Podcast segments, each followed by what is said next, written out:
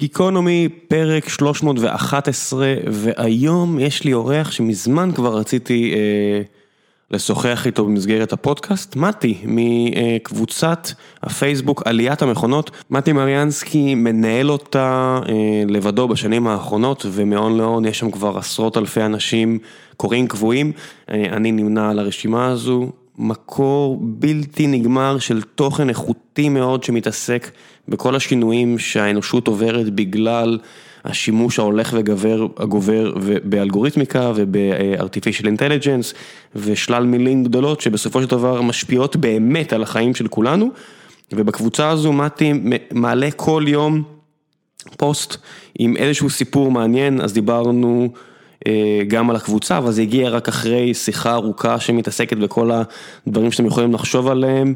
אה, רק בערך 50 דקות לתוך השיחה הגענו לקבוצה עצמה, אז מצטער על העיכוב הגדול. אם, אם אה, אתם רוצים לקפוץ קדימה אז תתחילו משם, עד אז שוחחנו על ההשפעה של טכנולוגיה על החיים שלנו וב... האמת שקפצנו מנושא לנושא, אני מקווה שלא יותר מדי, אני מקווה שלא קטעתי אותו יותר מדי, כמו שאני לצערי עושה יותר מדי, אבל לי היה מאוד מעניין ואני מקווה שגם לכם, ולפני שנגיע לפודקאסט עצמו, אני רוצה להזכיר לכם שמשפחת גיקונומי כוללת עוד שני פודקאסטים, גם את בכל יום נתון ואת ציון שלוש. שני פודקאסטי הספורט הפופולריים בארץ, לפחות לפי אה, סקרי גיק טיים בשנתיים האחרונות ולפי המספרים שהולכים וגדלים. אחד ספורט עולמי, אחד כדורגל ישראלי, מקווה שהקורונה תשאיר לנו גם ספורט, אבל כל עוד יש, אנחנו נדבר על זה בפודקאסטים אה, בכל יום נתון וציון שלוש. ויש גם נותני חסות לפרק הזה, חברת Buy Value, marketplace לעבודות תכנות, לצריכת קוד ולמונטיזציה של קוד. מדובר על מאזינים של הפודקאסט, שיצאו לדרך והקימו חברה. היא עדיין אה, בשלבי ההתחלה שלה והם היו רוצים לבדוק אה, מי באמת רוצה להשתמש במוצר הזה, שזה דרך מעולה להתקדם עסקית, המוצר כבר חי וקיים ומביא ערך, המשימה שלהם היא להפוך רעיונות לערך והם עושים את זה לידי חיבור בין אנשים שצריכים קוד לבין מפתחים, בעיקר קוד בצד השרת, אה, יש דרך מאוד מעניינת שבה הם עובדים, שזה בעצם מאחורי הקלעים מבוסס על פונקציות ענן, מה שנקרא למדה, לפחות בעגה של AWS. אה, זה נקרא בשם אחר אה, ב-GCP וב-Azure, אבל הם עובדים עם AWS, הם בעצם מנסים לייתר את הצורך שמפתחים להקים תשתית בעצמם ומאפשרים לכל אחד לתרום אה, בתחום העניין והמומחיות שלו, מה שמוביל לפיתוח מהיר במחיר תחרותי, פשוט לקודד. החלק המעניין באמת הוא מודל הבעלות, ב-by value הם מאמינים שהקוד הוא מוצר ולא המפתח, כך שקטעי הקוד מתפקדים כנכסים ובעלי הנכסים הם המרוויחים, בדומה לתמלוגים ביצירות. יצירות תרבותיות, ועל כל שימוש בקוד שלהם בעצם, זה זה ההכנסה שם למי שיוצר את הקוד, אה, סופר מעניין, ישבתי איתם, חבר'ה שעושים רושם של יזמים בתחילת דרכם שמבינים את המשחק, מבינים מה צריך לקרות, אז אם אתם אה, סטארט-אפ בתחילת דרכו שצריך לבנות מוצרים בצורה מהירה ואפקטיבית, או אה, חברה קצת יותר מבוססת עם Backlog שלא, אתם לא מגיעים לכל המשימות שאתם צריכים, וזה לא משהו שנמצא עמוק מדי ב-core product שלכם, זה משהו שאתם יכולים להוציא החוצה. אז אתם יותר מוזמנים לשלוח מייל לתיבת המייל שאני אשאיר לכם ולקבל גישה מוקדמת אה, לקהילת המפתחים המוכשרים שרק מחכה לפתור לכם את הבעיות. תנסו, תראו, אולי זה יביא לכם הרבה ערך, אה, תמצאו משהו שבעצם גם לא מסכן אתכם באיזושהי צורה. אה, עליי הם השאירו אחלה של רושם, החברים עופר ויוגב, אני מזמין אתכם לשוחח איתם, אם זה נשמע כמו משהו שמעניין אתכם, או אם אתם עושים משהו דומה ורוצים לדבר איתם, אז אלה נותני החסות שלנו, חברת Buy אה, Value. ועכשיו, Geekonomy 311 עם מתי מעליית המכונות. תהנו.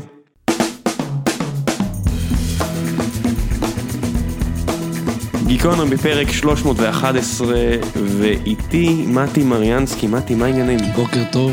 קשקשנו קצת על דברים off the record, כל מיני אנשים שבטח לא, לא נרצה, לא, אני לא ארצה שנזכיר את שמם פה, אז נדבר על אנשים אחרים. אני לא חתמתי על NDA. אתה לא חתמת, גם אני לא חתמתי על NDA, זה היופי. ובאופן כללי, אתה יודע, זה מדהים אותי כמה היום, זה כאילו ויתרו על כל העניין הזה של NDA, אתה יודע? לא, לא ויתרו, אני השבוע חתמתי על NDA. עם איזה חברה? לתעשיית המכרות. תעשיית המכרות, הנה, זו תעשייה אבל של, שבאמת אה, היא יותר עתיקה. כן. זאת אומרת, יש לי איזה משהו עכשיו עם אה, גוגל. איזושהי פאשלה מעורבת ואיזשהו סיפור כזה עסיסי, ואני אומר, תגידו, אתם לא מפחדים שאני אכתוב את זה לטקראנץ', משהו? עושים, כן. אני אומר, אוקיי, באיזה שלב מגיע הבקשה ל-NDA, אוקיי, וכלום, לא מגיע, זה במסגרת ה-day job והכל, פשוט, ההרגשה היא שיש כל כך הרבה רעש בעולם כרגע, כן, וכולם עושים כל כך הרבה דברים ש... תעשה, תכתוב, אני בטוח שזה יתפוס כותרות לשלוש שעות, ויהיה הרבה אנשים שיגידו וואו וזה, וזהו. זה בדיוק ככה, זה בדיוק, זה בדיוק הבעיה, שיש יותר מדי אה, רעש, יותר מדי... אה, אה, אנחנו מותקפים ביותר מדי פיסות מידע, כל הזמן. גם כל, כל המידע ש, שאתה, הוא נמצא במרחק מילימטר ממך, זאת אומרת, אין לך אפילו סיבה לזכור דברים, אם אתה יודע שאתה, יש לך איזה extension כזה לזיכרון שלך, שאתה יכול ללכת ולחפש תוך כמה שניות למצוא את הדבר הזה שאתה צריך, אז למה, למה אתה צריך לזכור את טמפרטורת הרתיחה של המים? אתה לא צריך לזכור את זה. אתה יודע למה? אה, בשביל לעשות הקשרים. מה, ש, מה שקורה פה זה שנוצר לך גרף של מקורות מידע עם אה, מעט מאוד קשתות, מעט מאוד חיבורים בין הקודקודים, כי בסך הכל אתה יכול בכל רגע נתון ליצור קשת חדשה, והבעיה היא שעולם הסוצ... האסוציאציות, או היכולת לעשות הקשרים טיפה יותר עמוקים, אה, מתחיל ונגמר בחיפוש גוגל. כן, זה הולך, הולך ונהיה... אה... אה, מה ההפך מעמוק? אה, רדוד. רדוד. רדוד, שטוח, אה, כן. קונספירטיבי, אתה יודע, אה, בטח שהוא עושה ככה וככה, כי הנה. בדיוק. אנחנו עדיין מחפשים את הדפוסים האלה בכל מקום, אבל, ואנחנו מחפשים להסביר לנו את ה... להסביר לעצמנו את ה... מה הקשר בין א' לב' לג', מה, בטח יש סיבה ותוצאה פה, אבל אין לנו את התשומת לב ללכת ולחקור את זה כמו שצריך, או גם אין לנו כל כך מקורות שאפשר לסמוך עליהם במאה אחוז. כן, ובניגוד למכונות אה, חושבות, אני אעשה פה במרכאות, בניגוד לכל אלגוריתם נורמלי עם database רחב, אין לנו באמת את ה data הזה. זאת אומרת, אנחנו מריצים את מה שאנחנו מרגישים שאתה יודע, יש input, יש output, בין לבין חיפשת בגוגל, אבל לא באמת חיפשת באלפי מקורות מידע. עכשיו, חיפשת בתוצאה מספר 1, 2, 3, אולי, במקרה הטוב. בדיוק. ויוצא תוצאה כל כך עלובה, והדיונים, אתה מסתכל עליהם, נגיד עכשיו אני רואה... אה, שיג ושיח שלם בטוויטר הבוקר על אורלי לוי, שמישהו הגיב לטל שניידר, user Twitter אנונימי, אח שלה היה היום בבלפור ויצא בעשר בבוקר או משהו כזה, ואני מסתכל, והם ממשיכים לדבר על זה, ואתה מסתכל ואתה אומר, וואו, תעצרו, תנשמו, חכו יומיים ויהיה לכם עוד data. כן, ותגיעו כן. למסקנה הרבה יותר מעניינת. כן, וה user האנונימי הזה יכול להיות כל אחד, יכול להיות שזה, אתה יודע, זה יכול להיות... ישר מהכוורת של ראש הממשלה, זה יכול להיות אה, סתם איזה מישהו שאוהב לראות את העולם בוער. טרול, כן. עזוב ו... בוער, עשה, אין כבר בוער, אתה מבין, אתה כבר, בגלל שיש כל כך הרבה חומר שריפה, אבל מצד שני יורד כל הזמן גשם, כן. של עניין, אין בוער יותר. תסתכל, אין שום דבר, אתה יודע, אה, רן בר-זיק יכול להגיד לך, המידע של כולם דלף. ראש המוסד יכול להגיד, זה סכנה איומית. למחרת. למחרת, למחרת, אפליקציה אחרת, אותו מידע בדיוק ידלוף. זה תהיה הכותרת, זאת תהיה הכותרת, מישהו יגיד, אבל המידע כבר דלף, המידע תאורטית כבר בחוץ, וזה לא משנה, זה רק העניין הזה של להדליק שוב את הניורונים ש, ששוב ידלקו. כן, אבל כל מה שנשאר לנו זה להבין שזה המצב ולהתחיל... אה, to adjust, אתה יודע, להתחיל להתאים את עצמנו לעולם הזה, זה ככה, זה ככה הולך להיות. אנשים כבר לא, אתה יודע, אתה נכנס לרופא, אתה ככה מציץ לראות על הקיר אם יש לו את התעודה הזאת שהוא באמת אה, רופא מוסמך. אבל אדם שכותב בטוויטר, אתה, אין לך את ה... אתה אומר, אוקיי, וואלה, נשמע לי הגיוני, נשמע לי, אתה יודע, מתחבר לי לכמה דברים ששמעתי לפני שלוש דקות. מה זה שמעת? אולי קראת שתי מילים, לא יותר. אותו אלגוריתם הכיל אותי לפני שתי דקות, אז גם הוא זה עושה לי את ההקשר הבא, ואני עובר מהקשר להקשר כזה, ואני אומר, אחרי ארבעה או חמישה אה, דברים כאלה, אני כבר, אה, זהו, אני כבר סגור, אני נעול על הדעה הזאת, כדור הארץ שטוח, לא תזיז אותי עכשיו מה... כן, ראיתי את זה, אני יודע את זה בוודאות כבר. עזוב, ואתה עוד הולך לדברים שהם... הם הקונספירטיביים הדי עלובים, צריך להגיד את האמת, שכל אדם שטיפה קורא, אני לא מתרגש מזה. מצד שני, אני אגיד לך מה שבר לי את ה... פיצץ לי את השכל.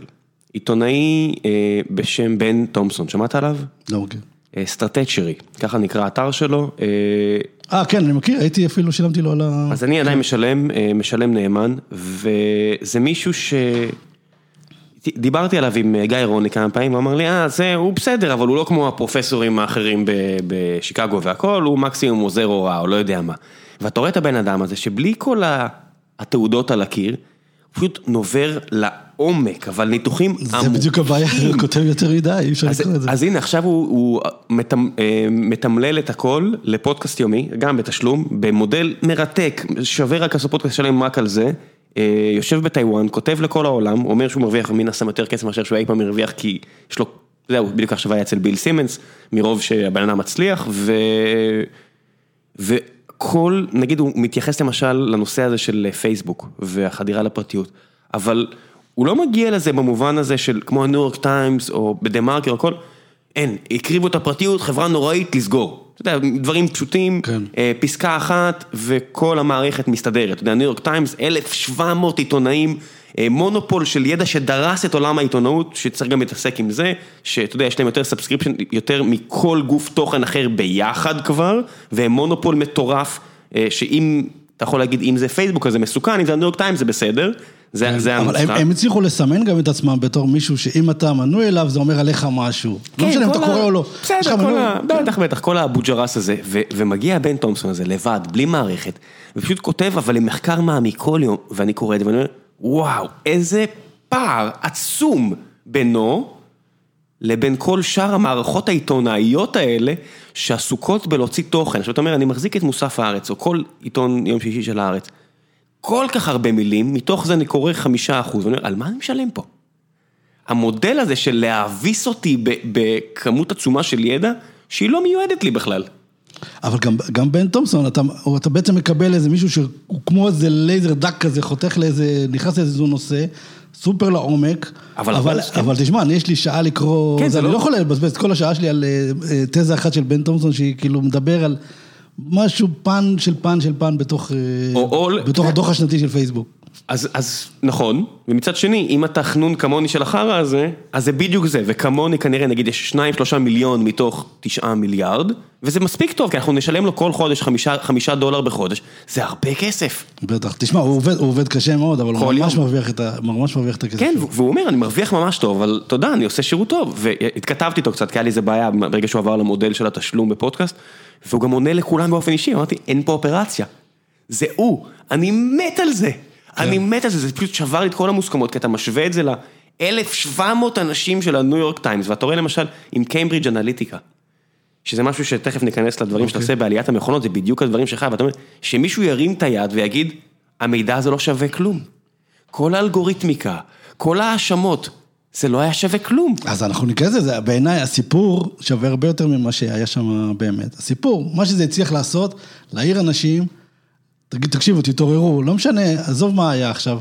ותכלס, תשמע, כל, כל סיפור שאני מביא לך, אני רואה את זה יותר ויותר, את העובדות, מה, על מה באמת היה, כבר כמעט לא מעניין אף אחד. לאף אחד לא אכפת, כאילו, באמת מה. אתה יכול לספר סיפור על אה, בני גנץ, למצוא אותו, לא יודע, שהוא מגמגם באיזה סרט, להגיד, או, זה בן אדם שהוא לא יכול לדבר משפט שלם אה, קוהרנטי.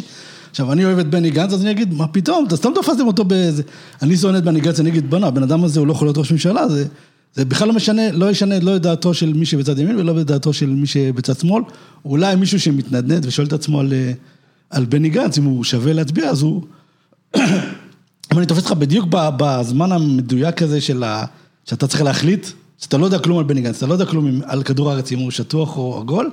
אם תופס אותך בדיוק בזמן הזה, יש לי סיכוי להטות אותך ימינה או שמאלה, אבל אחרי עוד ארבעה, חמישה פריטים כאלה, זהו, הדעה שלך מת- מתקבעת, ואז כל דבר שמתאסף לתוך המגירה שכבר יש לך על בני גנץ, שאני יכול להיכנס לשם, אז אתה מכניס אותו, ומה שלא, אתה פשוט דוחה, אתה לא שומע את זה, אתה לא מקבל את זה. כן, כן, אתה דוחה את זה לגמרי. או האלטרנטיבה היא, אה, שוב, זו הטקטיקה של רוניק, שאני גור- אני חושב על זה הרבה, זאת אומרת, הוא הולך בטקטיקה ההפוכה שלא פעם אחת spray and pray, אלא אותו מסר כל שבוע, פעם אחרי פעם, עד שיש לך אנשים שאין להזיז אותם ימינה-שמאלה.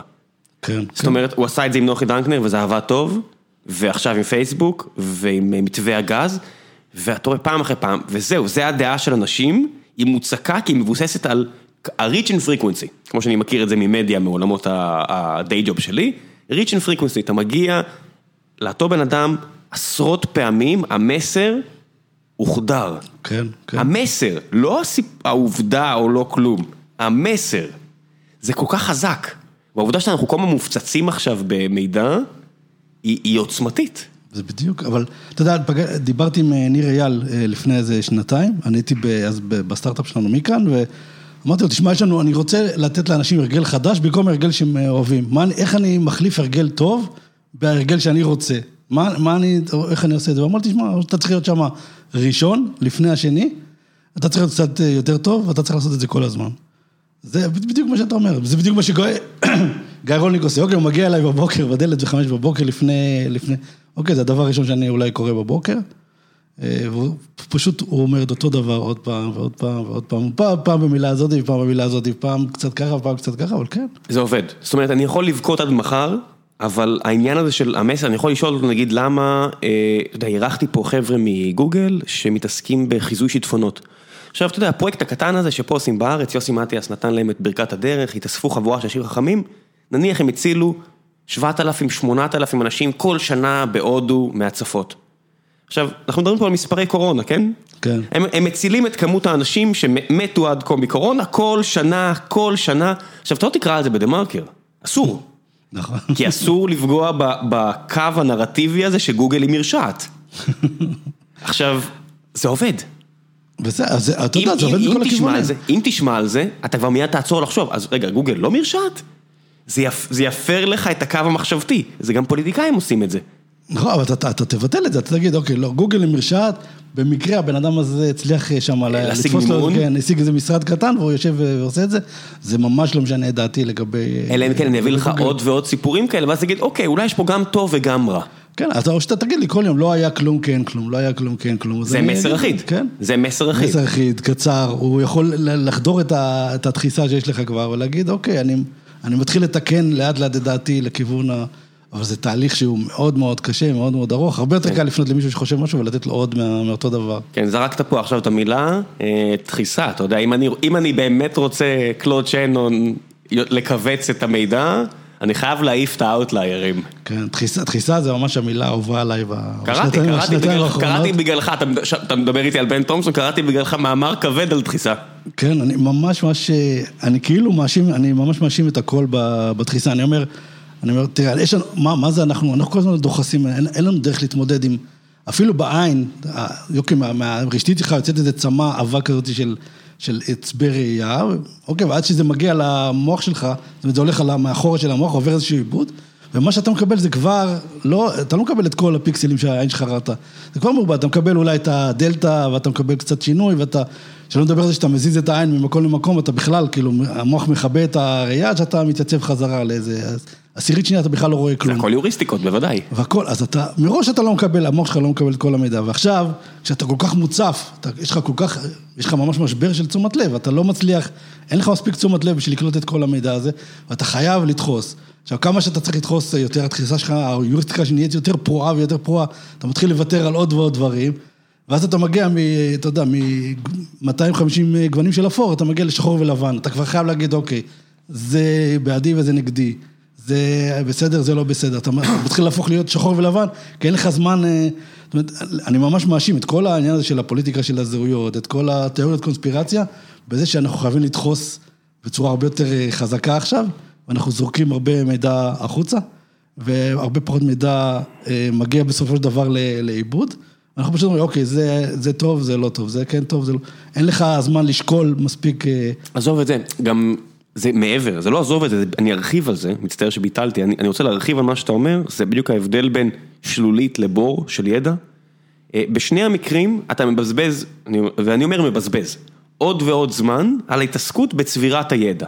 זאת אומרת, אתה שעות על גבי שעות נחשף לידע, אתה יודע, אם אתה מקודד אז המכונה עושה עכשיו קומפילציה, הלכת קצת להסתכל באיפשהו והמוח שלך הוסט. אתה בבית, אתה, אתה כבר לא מסוגל לראות אה, סדרה או לקרוא ספר, אתה בודק ככה וככה. מה, אני רואה אצל הילד שלי יושב משחק מיינקראפט עם הטלפון אה, ביד, פתוח על, אה, בדרך כלל על יוטיוב, על מישהו שמשחק מיינקראפט אה, אחר. אני, אני יודע, אוקיי, אנחנו ואז עושים את זה פה. ברגע שהוא צריך ללכת במיינקראפט מגבעה לגבעה, הוא צריך לעשות איזה 30 צעדים במיינקראפט, בינתיים אז הוא הולך עם היד, ובינתיים הוא מסתכל ב...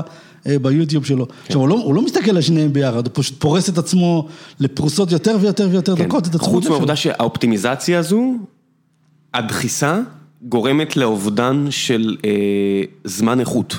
זאת אומרת, אנחנו כיצורים אנושיים, אני- או בכלל, לא מיועדים לעבוד ככה. אין לנו באמת את המולטיקור הזה. לא, אנחנו תקועים עם המוח הזה שלא מתאים בכלל לתקופה הזאת, אנחנו תקועים עם איזה מוח. אבולוציה לא עובדת כל כך מהר. זה בעיה רצינית, כן? זה, זה, מי, מי שרוצה לעשות קפיצות אבולוציוניות במהלך חייו, זה פיקציה. אוקיי, אז הקפיצה האבולוציונית שאתה עושה זה לקחת את החלקים של המוח שלך ולעשות להם אה, מיקור חוץ, לה- לה- להוציא את החלק ששייך לניווט, שמתעסק בניווט, כי אין לך זמן להתעסק בניווט, כי אתה מנהל שיחות עכשיו באוטו, או שאתה אה, לא רוצה לבזבז את הזמן שלך בזה, ואתה נותן לווייז להגיד כן. לך אם לפנות ימינה או שמאלה, ואתה סומך. ושמת לב לניוון, כמה מהר היכולות מתנוונות, אתה יודע. אף אחד לא יודע להגיד, להגיע לצומת מסובים, כאילו, איפה זה צומת מסובים בארץ? אז אני אגיד לך מה, מה אני עושה. אה, הרבה פעמים אני מכריח את עצמי לעשות דברים שהם כבר, לא, שהם כבר גורמים לי לסטרס. זאת אומרת, לקרוא ספר עכשיו, אני אומר לך, אני כנה עם עצמי, כבר גורם לי לסטרס, כי יש לי התמכרות למובייל. ולנווט אה, גורם לי עכשיו לסטרס, כי אני אומר, אולי אני כבר לא אגיע בזמן והכל, אבל אני מכריח את עצמי לא לפתוח את ה-Waze או דברים כאלה, אלא אם כן אני עם אשתי, ואז היא ממש כועסת עליי שאני עושה את זה, אה, ולנווט לבד, זאת אומרת, מזיכרון. כל מיני דברים, או, או אני הולך ושומע משהו, אני מכריח את עצמי לא לשלוח את היד לטלפון, אלא אם כן קופצת נוטיפיקציה חשובה מהעבודה שאני כבר יודע לקנפג את זה כבר באוזנייה, ואני רואה את, את, את ההתמכרות, היד רועדת. היד רועדת, אתה יודע, אין, אין לברוח מהעובדה שיש רעד ביד. כן. אה, דני, חבר שלי, אמר לי לפני כמה שבועות שהוא מרגיש שהוא כבר לא, כשהוא נוסע במכונית, שהוא לא זז במרחב, שהוא רק מתקדם בזמן, אבל שהוא לא זז במרחב, הווייז כאילו לקח לו את התנועה במרחב, הוא לא יודע איפה הוא נמצא על המפה בכלל, הוא נמצא בתוך המכונית שלו, והוא, תכלס אתה הופך את המכונית לאוטונומית, אתה בעצם מקבל הוראות מגוגל, ואתה בסך הכל מה שאתה עושה זה מסובב את ההגה ימינה ושמאלה, אתה כבר אין לך, איבדת את החלק הזה שלה. ומכסה את הפרמיה של הביטוח, שבמקרה ויש, אתה יודע, תאונת דרכים, אז זה לא ויימו, זה אתה. כן, נכון, נכון, בדיוק. ואתה, עכשיו, וזה כל כך מתנוון, בפירוש, אנשים מאבדים את היכולת הזאת של הניווט, אנשים, אתה שואל מישהו ברחוב, הוא אומר לך, מה, אין לך ווייז? מה אתה בכלל שואל אותי את השאלה הזאת, איך להגיע ל- לאיזה רחוב מסוים, אתה... איבדת את זה, אתה, אתה יודע, אתה קורא את אה, מרשל מקלואן, הוא כתב את זה, לא יודע, בשנות ה-70 כבר, הוא אמר, כל extension כזה מ- מוביל אליה, הוא קרא לזה amputation. ברגע שאתה מרחיב משהו אחד בעזרת הטכנולוגיה, אתה כורת לעצמך את היד השנייה, אתה לא מאבד ב- משהו. כן, זה לא בהכרח רע, יש פה איזושהי קונוטציה שלילית, אני, אני יכול להגיד לך למשל, אה, מי זה היה? אני חושב שסוקרטס, או אחד מהחבר'ה החכמים ביוון, אמר אה, אה, שהוא היה נגד, זה כנראה היה סוקרטס, שהיה נגד אה, המילה הכתובה, כי הוא אמר נאבד את היכולת לזכור ויכולת הרטורית, זאת אומרת לנהל את השיח כן. הזה בעל פה, ומן הסתם הוא צדק, היכולת הרטורית באמת ירדה, או יכולת הזיכרון כנראה נפגעה, אבל הרחבת עשינו הפוטנציאל עסקה טובה האנושי- בסוף. עשינו עסקה טובה. עכשיו, זה לא אומר שכל עסקה כזו שאנחנו עושים היא טובה, אבל זה גם לא אומר שהיא בהכרח רעה. כן, אבל זה, אבל זה, על זה בדיוק עליית המכונות. תשמעו, אתם עושים עסקה, בואו תבינו מה העסקה. אני לא אומר אם העסקה טובה או רעה, אני לא, אני לא נגד אה, גוגל, אני לא חושב שפייסבוק, אה, אין להם זכות להרוויח כסף, סבבה. אבל אתה, אם אתה משתמש בפייסבוק, אם אתה אומר לאלכסה, תקני לי סוללות נותנת לך סוללות, ש... תדע, תבין את העסקה שאתה עושה עם האלגוריתמים האלה. ויתרת על היכולת שלך של הניווט, אתה יודע מה זה אומר? אתה יודע על מה ויתרת? אתה יודע מה קיבלת?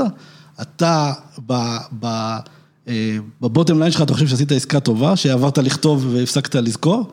סבבה, אז לך על זה, מגניב. אה, אני לגמרי בעד, אבל אל תיכנס לעסקה הזאת בעיניים עצומות.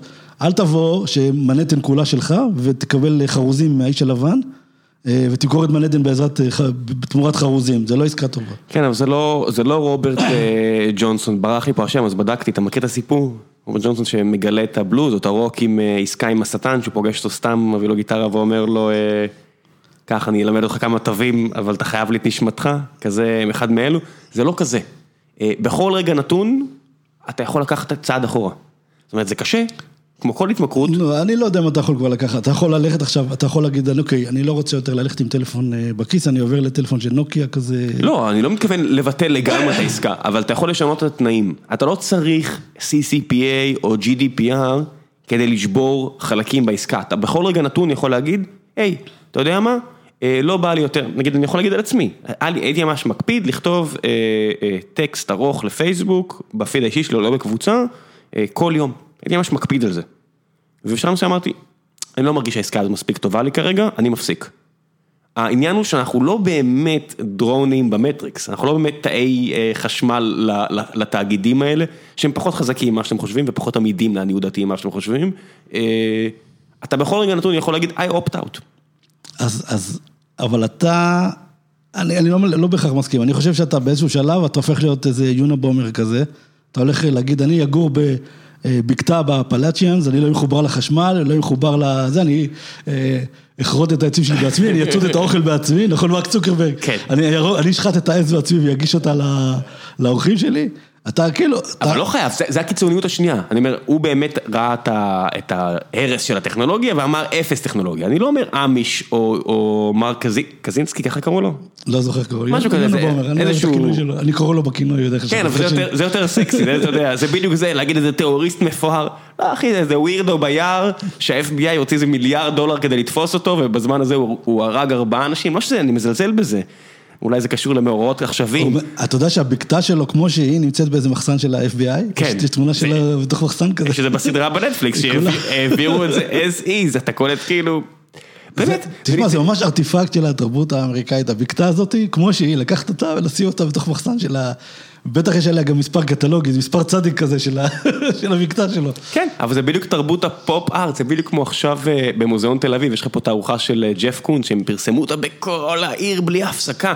ואתה אומר, יש לך, קרה לנו השבוע, לקחתי יום חופש, לקחתי את הילד, הלכנו למוזיאון תל אביב, ואתה רואה, יש שם תערוכות של כל מיני אמנים, יודע, וברח לי אפילו השם, איזשהו אמן רוסי-אוקראיני שעבר לניו יורק, סיפור מדהים, בתקופת הקיוביזם, מכר כל היצירות שלו, הוא היה בטוח שהלכו לאיבוד במלחמת העולם השנייה, ואז מישהו שלח אותם, יהודי שלח אותם למוזיאון תל אביב בשנות ה-30, והוא גילה את זה, שהוא כבר בארצות הברית, האמן הזה, ואמר יאללה תשאירו את זה אצלכם, ואחרי שהוא מת, המשפחה באמת השאירה את זה שם, זה האוסף הכי גדול בעולם שלו, ופיקאסו, יש שם גם פיקאסו והכל, ותערוכה מדהימה של אומנות מפוארת, ואף אחד לא מדבר על זה, כי מדברים על הבחור שעשה פסל קיצ'י של דוב, פדינגטון בר כזה, וזה מה שאתה מגיע, כי אתה רוצה את הצילום באינסטגרם, ואתה רוצה את זה, וזה ההשטחה של... של הכל. פה יש לך גם איזשהו אפקט של נובלטי, זאת אומרת, אתה אומר, אוקיי, פיקאסו, ראיתי פיקאסו, פיקאסו, פיקאסו, טחנתי לי עם הפיקאסו הזה, תביא משהו חדש. אבל לא ראיתי, כי הרוב המוחלט של האנשים לא ידע, אתה יודע, ארט דקו, ותסתכל, הנה אני, אני לא זוכר את השם של אותו אמן שראיתי והתרגשתי וקראתי עליו ביחד עם הילד, הנה, אני לא זוכר את השם שלו, אבל ג'ף קונץ אני זוכר.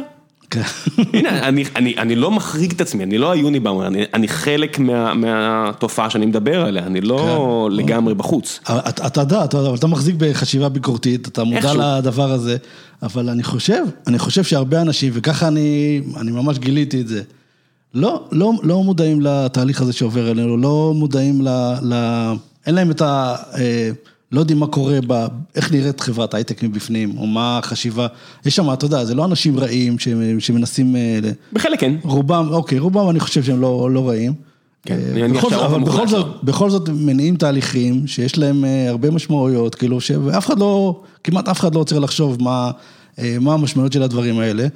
ובצד השני, בצד ב- receiving end של ה products, יש אנשים שבכלל לא מודעים למניפולציות האלה שהמוצר עושה להם. תן לי, תן לי קצת מניפולציות, אתה יודע, כמי שקורא את הקבוצה שלך על בסיס יומי, ותכף נדבר גם על הקבוצה ולמה החלטת ליצור אותה, תן לי איזה כמה פיקנטריה מהשנה האחרונה שאתה יכול לחשוב עליו. לא, תשמע, אני בעצמי כמנהל מוצר, תשמע, אני הלכתי לדבר עם ניר אייל כדי לנסות להבין איך אני יכול לגרום לאנשים להשתמש במוצר שלי יותר, מה, איזה, ממש, איזה טריקים אני יכול לעשות.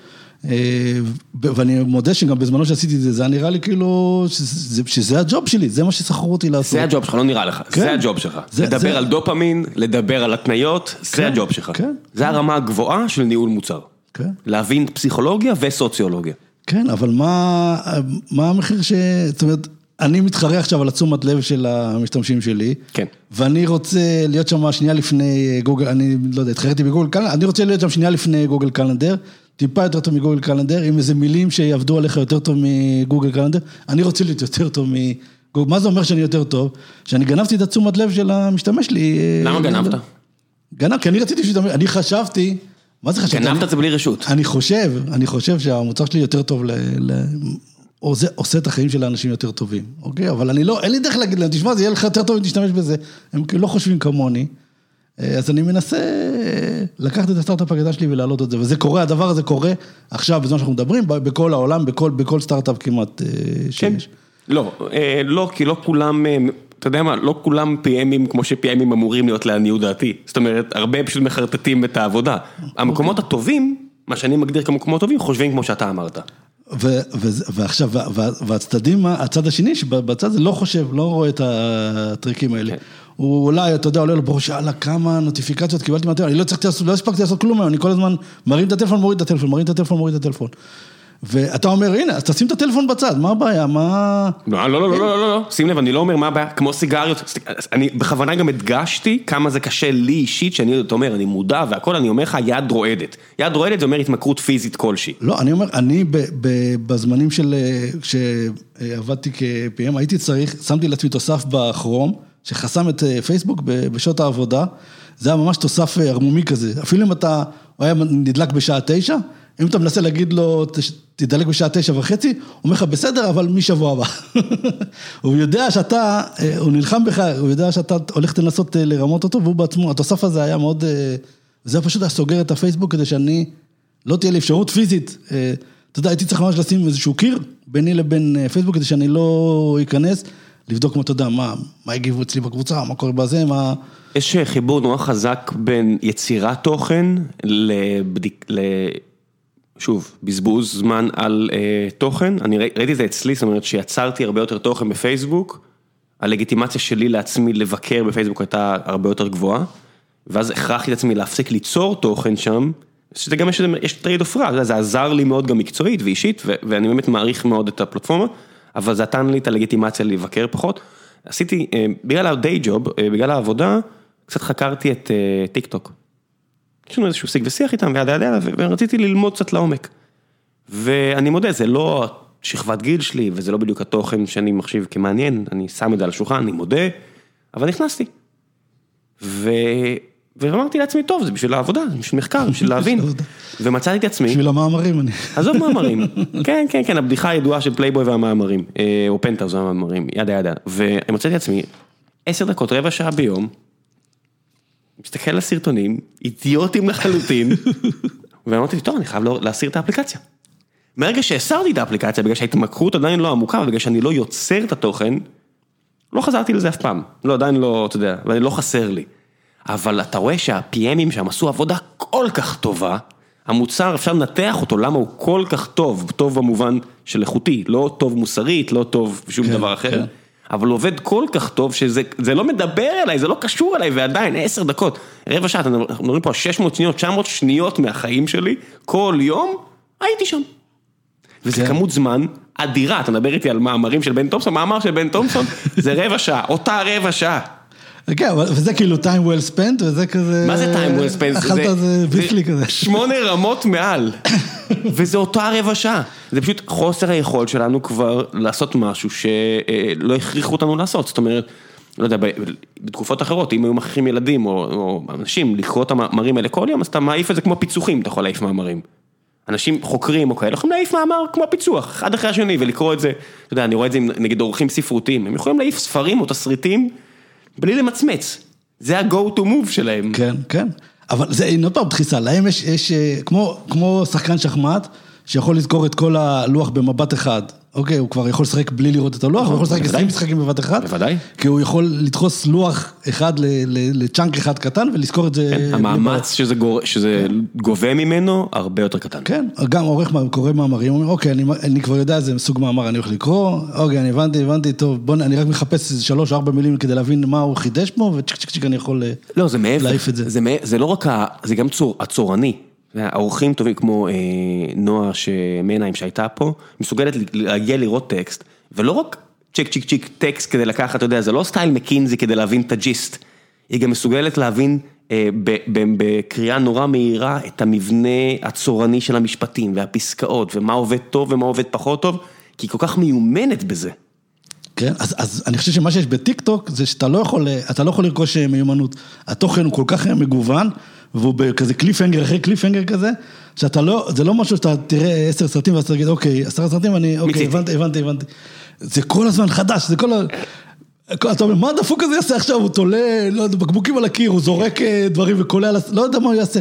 ויש לך אחד אחר, וכל אחד בכזה, באיזה חתיכה קטנה, אתה לא יכול, ל- אתה לא יכול להשתפר, ב- ב- ל- לקלוט את התוכן הזה, הוא כל כך שונה, הוא כל כך משתנה במהירות, אז אתה, אתה ממש נהיה סקרן, יש לך איזה סקרנות כזה לראות מה, אוקיי, מה עוד יהיה, עוד, אה, מה עוד יקרה? כן, מה עוד אז- יקרה. אז- אז אני ארחיב את האנלוגיה שלך לעולם הדחיסת מידע של תקשורת מחשבים. בהתחלה דחסנו אה, נגיד יוטיוב סרטים קצרים יותר, אבל עדיין היה המון ערך. ואז דחסנו נגיד אה, כל אחד יכול לכתוב פייסבוק, טוויטר, אבל עדיין יש ערך, יש לך טקסטים נגיד הקבוצה שלך, ושוב אני מבטיח, תכף נגיע לזה מאזינים. אני מוצא בזה המון ערך בקבוצות, בקבוצות פייסבוק, אני עכשיו קורא רק קבוצות, לא פיד. המון ערך. ואז אינסטגרם, אתה אומר, אוקיי, זה רק תמונות, אבל יש, יש ערך, יש ערך אמיתי. אני רואה בזה ערך אמיתי, אני, אני רואה אה, חברים, אני רואה משפחה, אני שומר תמונות, מגניב. ואז עוד דחיסה ויותר יעילה וטיק טוק, וזה כאילו כבר, כבר אין אה, משמעות לשמור על איזשהו אה, אידאה של ערך. זה כבר נטו ה- ה- לשמור על ה attention שלך, ואתה אומר, בשלב מסוים אתה רק מפציץ אותי באורות סטייל אה, כזה, נכון. שהמרכזים האלה בטוקיו, שאתה נכנס ואתה רואה, פצ'ינקו כאלה, פצ'ינקו, כן. אתה רואה 12 אלף אנשים ומישהו צורח עם מיקרופון, ואתה אומר, מה קורה פה? זה המטריקס, מה קורה פה? מה הערך הנשאב פה? זאת אומרת, מה הערך? ואני אני, אני כבר בפוזיציה של הבן בן 40, הזקן יחסית, שכבר לא מזהה את הערך בחדש, ומאוד יכול להיות שגם הדברים שאני אמרתי ככה אמרו עליהם, ובטח עשו את זה, אנשים פלצנים כמוני, אבל אני רואה את הטיק טוק, ויש אולי שותפים עסקיים שלי עוד שנייה וחצי, אולי, לא יודע מה, ואני לא רואה את הערך. אני כבר לא רואה, אני לא מבין איפה הערך. זה לגמרי קלוריה ריקה, ריקה לחלוטין. ריקה לעניות דעתי, סוכר, סוכר כן, טהור. לעניות דעתי שהיא באמת ענייה כי אני לא חלק מאותו דור, זה באמת זה. מה זה, מה הבת שלי שמדפדפת בטיקטוק מקבלת, מה, איזה, מה היא כאילו מקבלת מזה? חוץ מאבא שלה שמקבל אה, שקט, כאילו, והיא... זה ערך לך, אני מדבר ערך למשתמש, אתה כן. לא המשתמש. לא, אז מהצפייה לא מקבלת, אבל אני כן שמח שהיא מעלה, אני רואה אותה מעלה סרטים, והיא משקיעה בזה, היא יכולה להשקיע איזה שעתיים בלערוך אה, סרט. נכון, ביצירה, שמה- זה יצירתיות, זה הרבה דברים. אתה צודק, אם אתה יוצר תוכן, אני תמיד אומר שיצירת תוכן היא היא בעלת ערך. כן, ומה ש... אולי הדבר שאני הכי אוהב בטיקטוק זה שהמחסום כניסה ל- ליוצרי התוכן הוא אה, ממש ממש נמוך. אתה יכול ליצור תוכן שהוא ברמה גבוהה, ברמה גבוהה לפלטפורמה, אוקיי, זה לא יגיע לא, ל-PBS, אבל, כן. אבל ברמה מאוד גבוהה, אה, אפילו שאתה, אתה יודע, ילד בכיתה ג', ילדה בכיתה ג', שיכולה לעשות, יודעת לערוך סרטונים כבר ב... באמת סט של skills שכאילו, אני לא יכולתי בכלל אה, לחלום עליו כשהייתי בכיתה ג', אין, לא היה לי שום גישה כאילו לכלים כאלה, אה, לקיצורי דרך כאלה, ל, ל, ולקהל שבכלל יראה את ה... חוץ מאמא שלי, מי היה רואה את הסרט שהייתי עושה? אף אחד לא רואה את זה. לא, אתה, צודק לגמרי, אני, חוזר בי, לפחות מהבחינה הזו, שאתה יודע, אתה רואה באמת, נגיד בסנאפ או באינסטגרם, תמונות, שאם זה היה בשנות החמישים, זה היה יכול להיות פרסומת מופלאה. כל תמונה עם טיפה פילטר שמישהו מצלם, מישהו שם את זה בשנות החמישים, אנשים אומרים, וואו, זו תמונה מבריקה, פרסומת לקוקה קולה. כן. אבל אם זה היום, אז בגלל שזה כל כך קל ונובל, ו- וכבר אין את הנובלטי ואין את הזה, אז אה, זה לא, זה לא שווה כלום. אומר, וזה בדיוק הבעיה שלי עם אמנות כזו, שאנשים יוצרים עם אמנות, ואני אומר, יש לי קצת בעיה עם זה, שאתם מוכרים לי הרבה לוקשים, ואני אומר עכשיו לעולם העמוק של האמנות, שעם הסברים ומשהו רשום על הקיר והכל, אני אומר, אני לא משוכנע שאולי זה כבר, עצם הטכנולוגיה ביטלה את, ה... את האמנות בזה. בסדר, אבל יש פה שני, באמנות יש שני דברים, יש אה, אמנות שאתה, איפה אתה פוגש, אתה ראם, איפה אתה פוגש את האמנות הזאת, ואם זה הצליח באמת לגעת לך באיזה משהו, או להתחבר למשהו שאתה יותר עמוק, ויש את שוק האמנות, שכאילו צריך להפריד לגמרי. דמיאן אחד- הרסט וג'ף קונס, כן. אחד מהשני, יש את השוק הזה של אנשים שקונים אה, תמונות, לשים אותם ביאכטה, כדי שהם יוכלו במקרה הצורך לקחת את את שלהם. זה, הרוב, הרוב של ליבשת. הרוב של האמנות יושב במוסכים ב- ב- בשדות תעופה, כן, האמנות היקרה. חלק גדול מהאמנות זה הלבנת אה, כספים, אתה שואל אותי. כן, יש את, ה- אתה יודע, את הספר, המפה והטריטוריה של אה, מישל וולבק, הוא מספר שם הרבה על העולם הזה, אז מן הסתם גם הוא חנטריש גדול כמו כולנו, וזה מהזווית המאוד אה, טרולית שלו, אבל אתה רואה שם את הצד המאוד מגעיל של העולם הזה. כן, כן, ובתור אומן רציני שרוצה לשחק את המשחק, אתה צריך להיות מודע לדבר הזה, כאילו כל הכבוד לאומנות שלך ולחפרת בילדות שלך והוצאת איזה משהו אה, רגשי וזה, אבל אה, יש לזה גם את הצד השני שאתה צריך לחשוב עליו, הצד השיווקי, העסקי של הדבר הזה. וזה, אתה יודע, וזה מביא לך, אוקיי, וכשיש לך מחשב שמייצר אה, אה, תמונה, מייצר אומנות, אה, סתם, אני, תחשוב על מישהו שמראה לך תמונה של אה, אה, הזוהר הצפוני אה, בזריחה, ויש גם אדום וגם כתום וגם את הירוק של הזה, והוא אומר לך, תקשיב, אני ישבתי באוהל שבועיים בנורבגיה, קפאתי מקור וחשבתי כבר לוותר, וכבר הייתי, לא היה לי אוכל וכבר כמעט מתתי, ופתאום פתחתי את, ה, את האוהל וראיתי את הדבר הזה, רצתי מהר למצלמה והצלחתי לצלם את זה ממש ברגע האחרון לפני שהזריחה הזאת נעלמה. ואני אגיד לך, אוקיי, ואתה יודע, יש לי פה סטייל גן כזה שמפיק תמונות של זריחות בזה, והנה עוד תמונה. אותו תמונה, פיקסל לפיקסל זה אותה תמונה. זאתי הגיעה המחשב וזאתי הגיעה עם הסיפור של הבחור הזה שקפא באוהל. ואתה יודע מה, והוא מת אחר כך, ומצאו אחר כך את התמונות צלמה שלו, ו... ושחזרו את זה, כן. ושחזרו את זה. אז אתה אומר, אוקיי, אז מה, זה שווה יותר או זה שווה יותר? מעניין. ואז אתה אומר, אוקיי, זה שווה יותר, כי זה התמונה הראשונה שסטייל גן עשה ושעמדה למכירה בגלריה, אז היא תקבל חצי מיליון דולר, כן. אתה לא תקבל כלום, כי זה סתם, יופי, תלם של נשל גורוביק מת בשלג, סיפור גדול. כאילו. הצ- הצמדת ערך אה, פיקטיבי למשהו קצת פיקטיבי, אבל זה מפסיק להיות פיקטיבי. אם אני, הבן אדם הקונה, חושב שזה חשוב. הרי אם אנחנו יורדים במורד הזה של הכל פיקטיבי ושום דבר לא חשוב, אפשר ללכת את זה לכל מקום. כן, אבל אז מה שנשאר לך זה הסיפור, הסיפור. ש- שצמוד לדבר הזה. סיפור, ש- זה זה הדרך שלך לדחוס את העובדות האלה. אתה לוקח את כל. אין לך, אתה לא יכול לקחת את כל העובדות, אתה לא יכול לשמור את כל הדברים האלה בראש. אתה אומר, זה הסיפור, יש פה סיפור, אה, צלם של נאצ'ל ג'אוגרפיק אה, קפא, מת, ומצאו את התמונה הזאת אחר כך, ו- וזו התמונה האחרונה שהוא צילם, התמונה של חייו. אתה אומר, וואי, וואי, וואי, זה, אבל על זה אני לא אשלם יותר מעשרה דולר. והוא אומר לך, זה מייצג את אה, התקדמות הבינה המלאכותית, אה, זו התמונה הראשונה שמחשב, אה, זה עוד אלפי שנים עכשיו יגידו, זאת הייתה התמונה הראשונה שמחשב אה, מכר בגלריה, תגידו, וואו, זה שווה- מיליון דולר. כן, לא יודע, ויבוא הבן אדם ויגיד, וביטקוין כן שווה?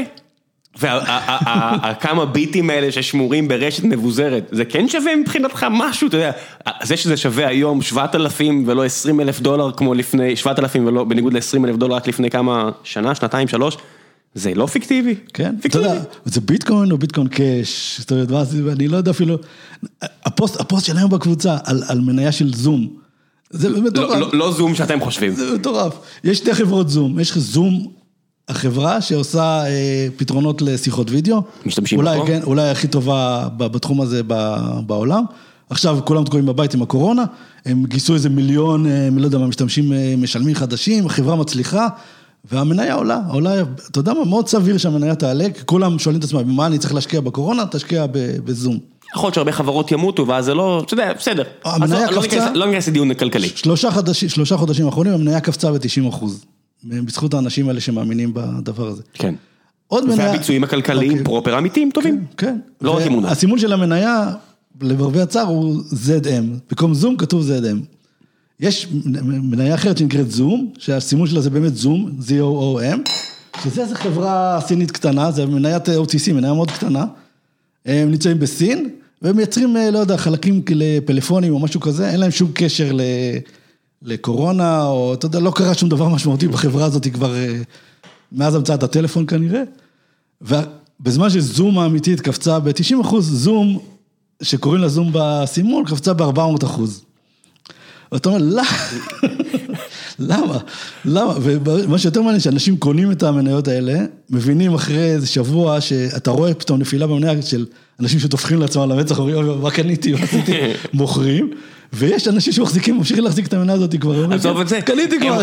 הם רבים אנשים במשרד שלהם, אחי אתה חייב לקנות זום, אתה לא מבין איזה מניה כן. טובה יש לי, איזה- תשואה אני מקבל עליה. כן. עכשיו תשאל איך הגיע המצב לזה שאני מחפש, פעם לא היית יכול לקנות מניה סינית קטנה בטעות, כי היית אה, מתקשר למישהו שמבין והוא היה קונה בשבילך, ועכשיו אתה פשוט... אה, רובין לא הוד, רובין הוד שבר את הכל, כן. אתה כותב זום במנוע חיפוש, התוצאה הראשונה שיוצאת, כי זה הכי קרוב בשם כן. זום. שני קליקים. כן. אתה יודע, אז הנה פה המנהל מוצר שלהם היה צריך להגיד, אוקיי, אני יודע שהדברים האלה קורים ואני אשמור על המשתמשים שלי מהטעויות האלה, ואני כל פעם שיש זום או פורוורד ופורד, שזה גם כן אה, קורה כל הזמן, כל פעם שקורה כזה אני אזהיר אותם, תקשיב, אה, התכוונת לזום, התכוונת לזום. אבל לא, לא, הם יוצאים את זום, קונים. לא, כי- כי ה top line KPI של רובין הוד היה מינימום friction, להוריד חיכוך, ספרו קליקים, זה כבר, לפחות זה ירד, אבל הייתה תקופה ש PM ים התעסקו רק בלספור קליקים. כמה קליקים לוקח האופרציה הזאת? שש? אצלנו זה one click buy, אצלנו זה שתי, שתי קליקים, ואני מדבר בזלזול, אבל אמזון בנו מזה אימפריה, של שני קליקים ויש לך קנייה, וזה כבר מגיע הביתה, אבל סופרו קליקים. אנשים עם תארים מתקדמים בבתי ספר הכי טובים בעולם, ישבו במשרד וחשבו איך אני יכול להוריד את כל התהליך מארבעה קליקים של עכבר לשני קליקים של עכבר. כן, כן. ובנו הרים של תיאוריות על החשיבות של הורדת הקליקים מארבע לשתיים. ואתה בא ואומר לי עכשיו, יבוא ה-PM של רובינוד, חברה שעוברות דרכה מיליארדי דולרים או לא יודע כמה, תוסיף עוד שני קליקים. וייצור חיכוך? כן, להוסיף חיכוך? להוריד את הסיכוי שמישהו יעשה טרנזקציה?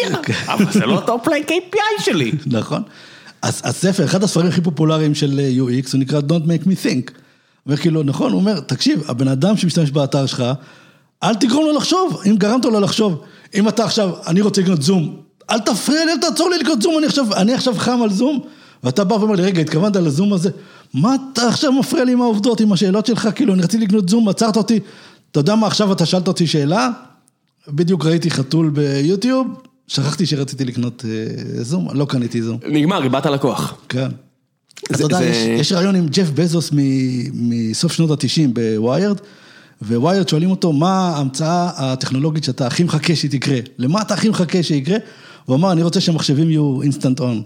אוקיי, באותו זמן, Windows 95, אתה אה, מדליק את המחשב, לוקח איזה שתי דקות עד שהוא עולה, עד שאתה מפעיל את ה Netscape שלך, עד, שאת, עד שאתה מגיע, שכח, אתה רוצה לקנות ספר, עד שהמחשב נדלק, שכחת שאתה רוצה לקנות ספר, והוא אמר, לא, אני רוצה שהמחשבים יהיו instant on. כן. זהו, הוא הבין את, את ה gap הזה, כמה, כמה כסף הוא מפסיד על ה gap הזה.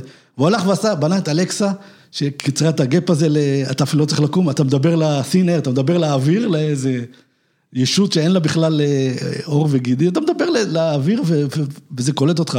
בשנייה שחשבת על זה, אתה יכול לספק את, ה, את, ה, את הצורך הזה שלך באותה שנייה, אתה יכול להיות עם ראש תוקע במקרר, ולהגיד, אוי, אין לי חלב, אלכסה תוסיפי חלב ל... כן. תשמע, וזה לא, לא איזה משהו שהוא רק טכנולוגי, אני יכול להגיד לך, אמ, הבית ספר לוחמה בטרור, תראה איך אני לוקח אותנו למקום אחר לגמרי. מתכנתים אותך לא לחשוב, זאת אומרת system 1, system 2 של דניאל כהנמן, אתה עובד system 1 נטו, זאת אומרת צועקים קיר, כולם רצים ונוגעים בקיר בקרב מגע. אה, יש ירי, יש וידוא הריגה, הכל אוטומטי כדי לעשות אופטימיזציה על התהליך, מהרגע שאתה שולף את האקדח, דורך, יורה, הכל צריך להיות הכי הכי מהיר ויעיל שיש, כי זה אופטימלי. ואז מגיע לך מקרה כמו אלאור אה, עזריה, ואנשים אומרים, מה, ככה מתכנתים, והכל אומרים, לא, ואז אנשים מרימים את היד, לא, לא, זה יותר משנייה וחצי, שתיים, היית צריך לעבור לסיסטם 2 ולחשוב. כן. וזה מדהים, ההפרדה הזו בין לפעול אוטומטי, לחשוב, זאת אומרת במקרים צבאיים, אתה רואה נגיד יועז הנדל התבטא, הוא אמר איזה, איזה, הוא יצא סמרטוט, ואני, ואני נוטה להסכים איתו, כי התחנכתי לא בשייטת, אבל במקומות דומים, על אותו דרך מחשבה של, יש מקומות שאתה עובד אוטומטי, כי יש לזה ערך, שאר המקומות אל תעבוד אוטומטי. תחשוב, ואז מגיעים PM טכנולוגיים, ורוצים להביא אותך למצב שהכל אוטומטי, כי אוטומטי זה יעיל, ויעיל זה לשרת הטופליין KPI, והטופליין KPI הוא פשוט, הוא אחד. כן, כן. תקנה, אם זה אמזון, תפרסם, או תקליק, או תשהה בזמן, אם זה פייסבוק, רק להאריך את ה minutes uh, viewed on the platform, זה הכל מצומצם לאחד. זה ה final frontier של אה, מנהלי המוצר, זה למצוא דרך לפנות ישר למוח הלטאה שלך, להפעיל אותו כאילו בלי שאתה בכלל, בלי לעבור אצלך בצד הקוגניטיבי. זה הכי יעיל עד, הנה הבעיה שלי עם זה, זה כמו, אתה יודע, שהבעיה שלי עם... אה, עם מנהלים אה, פיננסיים, אם אתה חושב רק על הרבעון הקרוב, אם אתה PM, שאתה חושב רק על ה top line KPI, שנקבע לשנה הזאת, כי KPI בדרך כלל נקבעים שנתי, אה, הנה מה אתה מפספס. Backlash חברתי. עכשיו זה טוב, המערכת היא עבדה טוב, פייסבוק הפכה למעצמה כלכלית ו- וטכנולוגית, הכל סבבה, חוץ מהעובדה שאתה יכול ליצור על עצמך Backlash חברתי, כמו שאנחנו רואים שקורה עליהם, שהוא באמת מסכן את החברה, זאת אומרת באיזשהו שלב צריך להיות מישהו יותר בכיר מכל ה PM ים שמשרתים את ה top line KPI ולהגיד, אולי אה, נעשה מערכת שמביאה קצת כסף לאנשים כדי לצמצם את הפגיעה בעיתונאים. כי עיתונאים הם גם מובילי דעת קהל והם יכולים להתהפך עלינו יום אחד. והיוהרה הזאת של להגיד לא, אנחנו עושים אופטימלי לעכשיו, תמיד אופטימלי לעכשיו, ועכשיו כל כך חזק שממשיך קדימה, חוץ מזה שהנה קם עליהם אויב לחברה אמיתי שיכול להרוג את החברה. אבל אתה יודע, אני לא יודע אפילו אם זה מיוהרה, זה מאיזושהי, אה, אתה נמצא באיזושהי פוזיציה שאתה פשוט לא רואה את ה... אתה כמו... שקפטן קוק הגיע לאוסטרליה ואומרים שהילדים לא הצליחו לראות את האוניות. הם אף פעם לא ראו, אונייה מגיעה מהצד של הים.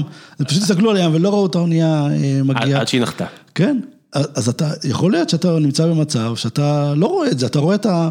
אתה חושב שהמטוטלת הזאת יכולה לזוז לצד אחד עד, אני לא, עד אני, הסוף. אני לא מפרגן להם ככה, אני, אני חושב שהם יהירים כי הרבה מהאנשים למעלה למעלה הם כל כך חכמים שהם עשו את השיקול. שם, הצמידו הסתברות כלשהי למאורע הזה שנקרא Backlash חברתי. אה, לא. יפה, אז עכשיו השאלה אם אתה, כצד של החברה, מבין את, ה, מבין את המניפולציה הזאת שעוברת עליך, מבין את העסקה הזאת שאתה עושה, מבין את זה ש... אה, לא, אתה יודע, אוקיי, אמרת, תן, את ה, תן, את ה, תן למוח לתאה שלך לעשות את ההחלטות האוטומטיות האלה, אז אני נותן למישהו אחר לעשות בשבילי את ההחלטות. האם אתה מבין שהבוטם ליין של הבן אדם הזה והבן אדם שלי הם לא בדיוק הליין, הם לא בדיוק אותו דבר. מה שאני רוצה לעשות בזמן שלי או בחיים שלי או להגיע, זה לא בדיוק מה שמרק צוקרברג רוצה לעשות עם, ה, עם הזמן שלו, שבעצם לוקח את הזמן שלי. זאת אומרת, אין פה, כן. כן. אני אטען שזה לא רק שהאינטרסים לא מתלכדים, הם הרבה פעמים אה, כיוונים אחרים לגמרי. כן. זאת אומרת, אם תשאל מה גורם, מה מסב לך אושר, כנראה שטוויטר, הפיד בטוויטר והפיד בפייסבוק, כנראה שאם תנתח, תשב ותחשוב על זה, לא מסיבים לך הרבה אושר. יש סיטואציות, ואני אומר שוב, אני קורא בקבוצה שלך, אני קורא במדע גדול בקטנה, אני קורא בהיסטוריה גדולה בקטנה, אני קורא כל מיני קבוצות בפייסבוק, זה מסב לי אושר, לא הנאה. אושר במובן של אני מרגיש שרכשתי ידע, קראתי כמה הערות של אנשים שהשקיעו מחשבה, כיף. כיף במובן של אני שמח שעשיתי את זה. עכשיו, לא יכול להיות מצב שה... שלהסב לך אושר וחיים טובים יותר, לא יתלכד עם האינטרסים של אה, מרק צוקרברג. לא לגמרי, כי אצלהם כחברה מסחרית, הם צריכים להחזיר ערך לבעלי המניות שלהם, זאת אומרת, זה נחמד האידאה הזאת שאנשים אומרים, בוא אה, תדאג לחברה. זה בסדר, עד למקום שזה לא מתלכד עם החברה, עם החברה הקפיטל, זאת אומרת, ה-society ו-company. זה לא יכול תמיד ללכת כן, אבל אנחנו מגיעים למצב שמרק צוקרברג הוא ראש מדינה כבר, ואז אתה אומר... הוא לא, אין לו, אין לו כוח, אין לו כוח אה, צבאי, וכל כן. עוד אין, אה, אנחנו לא איי הודו המזרחית, זה לא שיש פה שכירי חרב, בסופו של דבר שאין לך את המונופול על הכוח כמו שיש למדינה, מדינה אם עכשיו יש מישהו נבחר, הוא יכול אה, לשלוח אנשים עם נשק לפייסבוק ולהגיד, כמו עם אנרון, כמו עם הרבה חברות שהיו גדולות מהחוק, נגמר. עדיין. AT&T, בל, כל האלה, למי שיש מונופול על כוח פיזי, עדיין יש הרבה יותר כוח. כן, עדיין אתה יכול לבוא לתת סטירה, לתת לו סטירה, לכולם, ולהגיד לו תפסיק, אבל לא יודע, אם מרק צוקרברג היה איזה סטלין כזה, אה, לא יודע, אולי יכול בסוף לגייס לעצמו, אתה יכול לשאול לעצמו, כמה רחוק הדבר הזה אה, אני חושב שלא כזה רחוק, אני חושב שהביזור של הכוח היום הוא הרבה יותר חזק של כוח. הכוח כל כך מבוזר, שתראה, אין אפילו הכרעה בבחירות, אתה אומר, אין פה אפילו כבר שמאל וימין. בהרבה מדינות, מה שאנחנו רואים בארץ, עכשיו הוא קומונלי לאיטליה, להרבה מאוד מדינות, ואני אומר, הכוח כל כך מבוזר, שאין אפילו, אתה יודע, יכול לנהל דיון פוליטי והכל, אין, אתה לא תגיע להכרעה. בארצות הברית שיש כל ארבע שנים בחירות, והנשיא נבחר, והכל כאילו מתפקד, בניגוד לישראל שכאילו שום דבר לא מתפקד, רק ששם אין חוקים שעוברים, זאת אומרת, הכל משותק, כי בתוך הבתים, אה, הכל מבוזר מדי. כן. יש, יש את העניין הזה שבסוף אחדות זה כוח. כן, אבל אז, אז זה מה שב... ב, ב, אתה יודע, פייסבוק כן אה, יכול, אתה יודע, ללכד את, ה, את הכוח הזה באיזשהם אשכולות, כאילו את הביזור הזה ולהגיד, אוקיי, אה, זה, זה מה שקורה שאתה רואה את האקו צ'מבר הזה, שאתה אומר, אוקיי, אני, אני מאמין במשהו כזה, אני מאמין שכדור הארץ שטוח, פעם הייתי בודד לחלוטין באמונה הזאת והיו חושבים שאני משוגע, אבל עכשיו אני יכול בקלות למצוא אה, את כל האנשים שהם בדיוק כמוני, לא רק זה, אני יכול לדבר אליהם. אה, אני יכול לשכנע עוד, אני יכול להביא עוד אנשים. אה, אז יש לי עכשיו פתאום את הכוח הזה למצוא את הכיסים האלה שהיו מפוזר, באמת מבוזרים בעולם, ודווקא כן אה, לרכז אותם לגרעין אחד. זה משהו שפייסבוק עושה.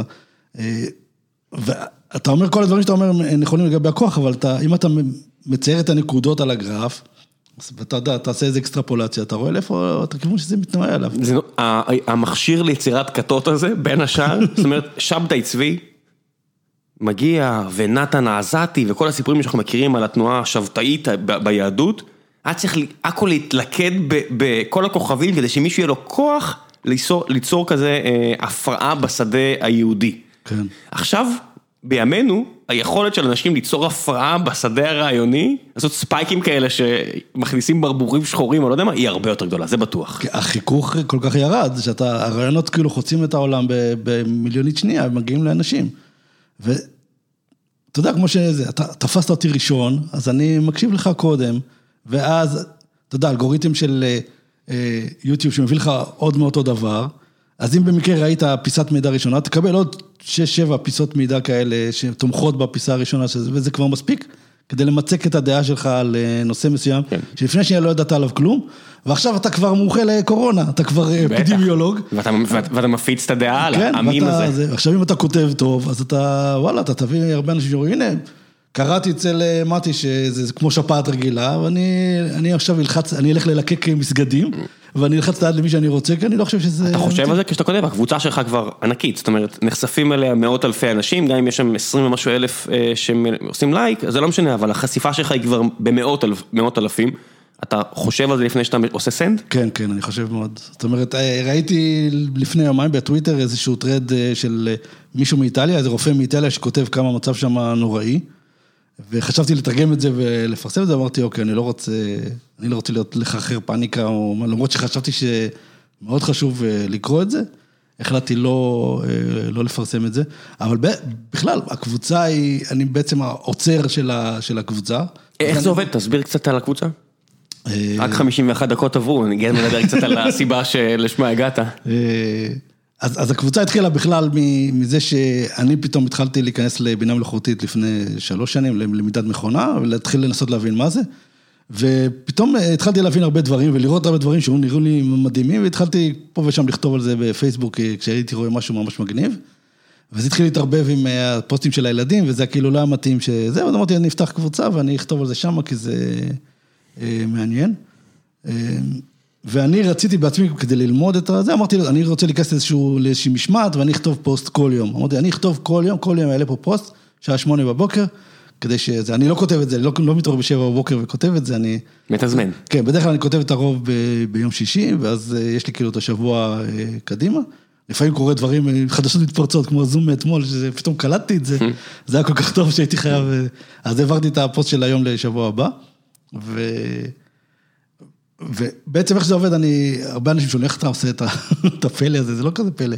אני במהלך היום רואה דברים, אני לא יושב לקרוא אותם, אין לי כל כך זמן, אז אני שם את זה בפוקט שלי, ואז מצטבר לי לשבוע, לא יודע מה, 30 או 40 דברים שחשבתי שיכולים להיות מעניינים, ומה שאני אה, כבר קולט אה, ש- שיהיה לי מעניין, אז אני מחליט כאילו מה ייכנס ומה לא ייכנס.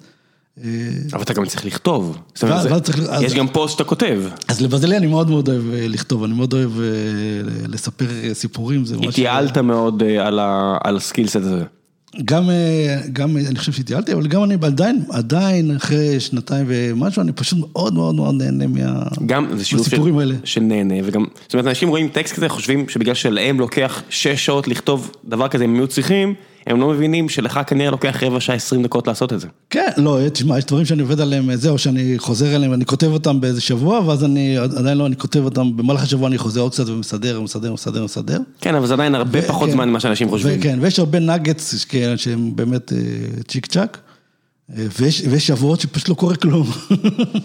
ואז אני נתקע, אני כאילו, יש לי משהו עד לראשון ושני, ובשלישי אני כבר צריך למצוא, אה, אני קצת נלחץ כאילו שאני צריך למצוא סיפור, כאילו, לכתוב. אז מה אתה עושה?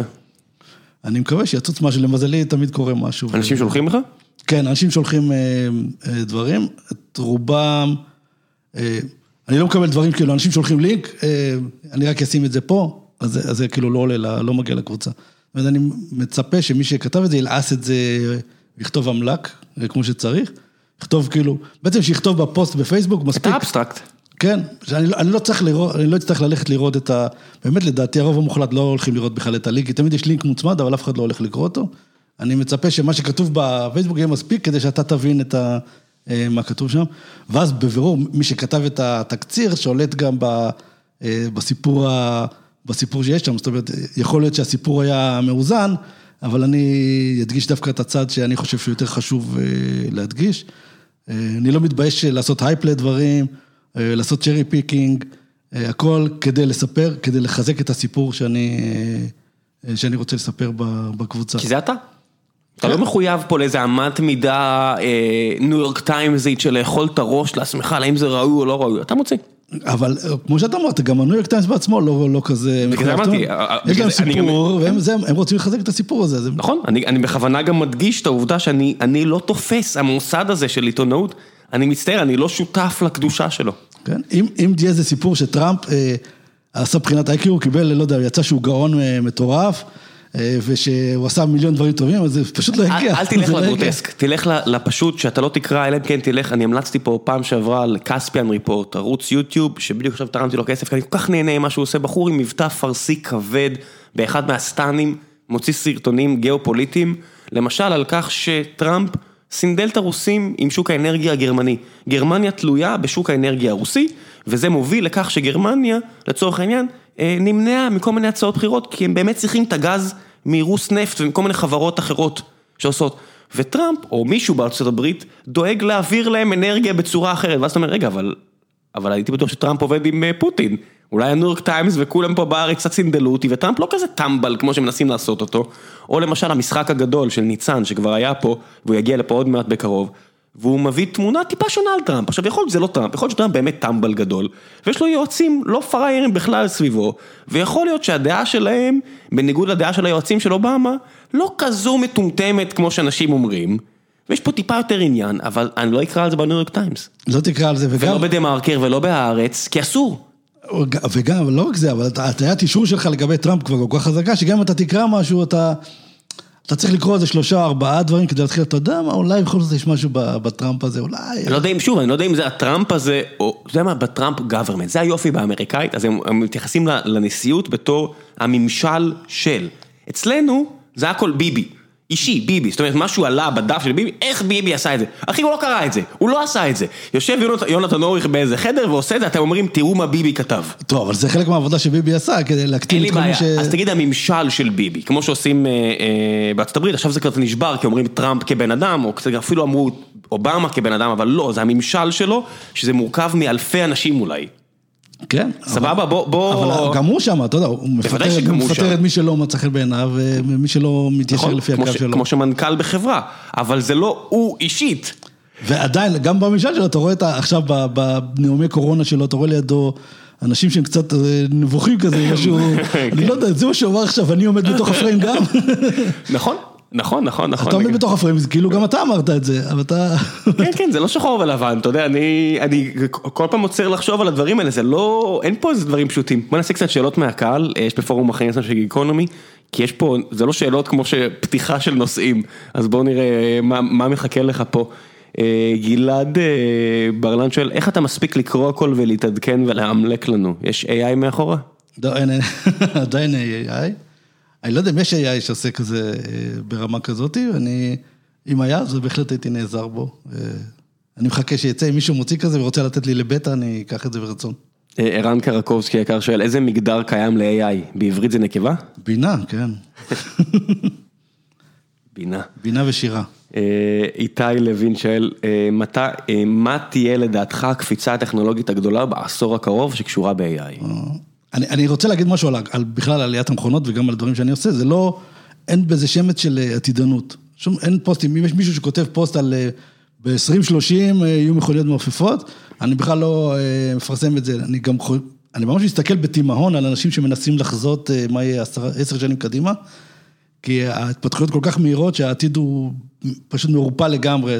אולי שנה קדימה אתה יכול אה, פחות או יותר, כל כך הרבה outliers, כל כך הרבה דברים שקופצים, כל כך הרבה קפיצות אה, מחשבה שנעשות, אין לך דרך לדעת מה, מה יהיה בעתיד, או לחזות, אה, יש, יש איזה וידאו של אה, כנס שאספו מלא uber גיקים כאלה, לפני כמה שנים, את... אה, שכחתי את שמו, מישהו מ Bell Labs, הבן אדם שהמציא את computer chess, אוקיי? ולא יודע מה, המציא את לינוקס, לא יודע מה הוא עשה שם.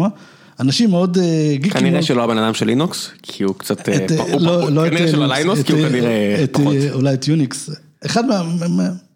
זקני השבט, ממש אנשים כן. שזה, ופתחו את זה לשאלות לקהל, ושאלו את הבן אדם, הוא המציא את computer chess, ואומרים לו, מתי אתה חושב שמחשב ינצח את האדם בגו?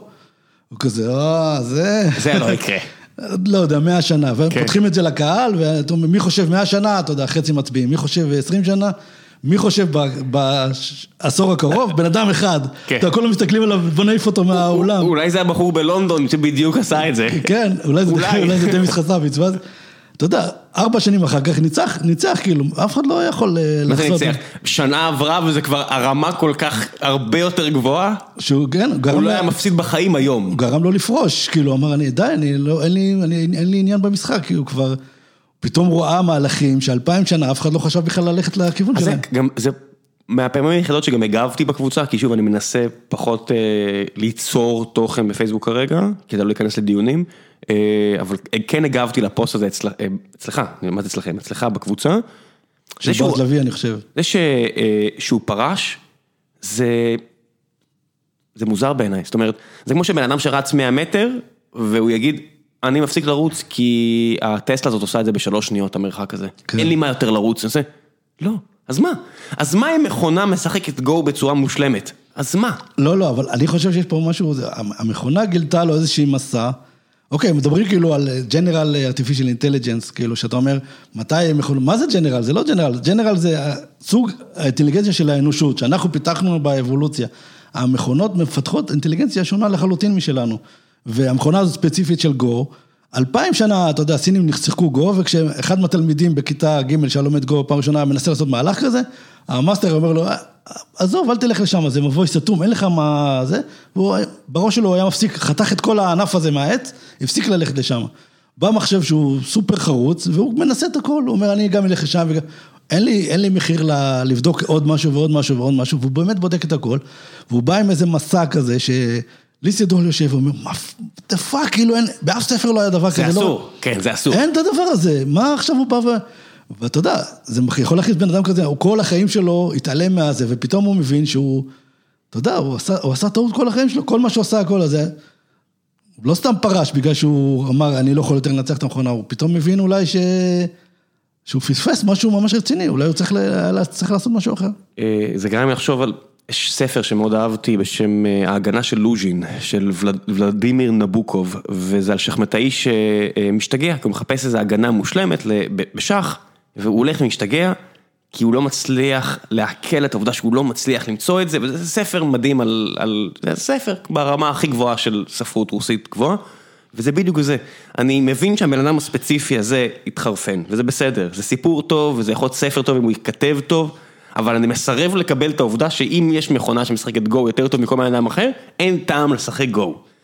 כן? זה, זה, זה בדיוק נוגד את הרוח האנושית הזו של אם יהיה פה עולם שכל המשאבים נהנים, כאילו הצרכים נהנים, יש אפשרות כמו בסטארט-טרק ללחוץ על כפתור ויש אוכל מגיע, אז לא צריך גם חקלאות והכל, זה לא שאין יותר טעם לחיות. להפך, אתה עולה דרגה, אתה עולה... בדיוק, בדיוק. התבוסתנות הזו של, אה, המכונה עושה את זה אז אני לא אעשה את זה. מה אתה מדבר? זה כאילו, לא נהנית בכלל מכל החוויה. כן, אבל אתה צריך לחשוב על המבנה הנפשי של בן אדם.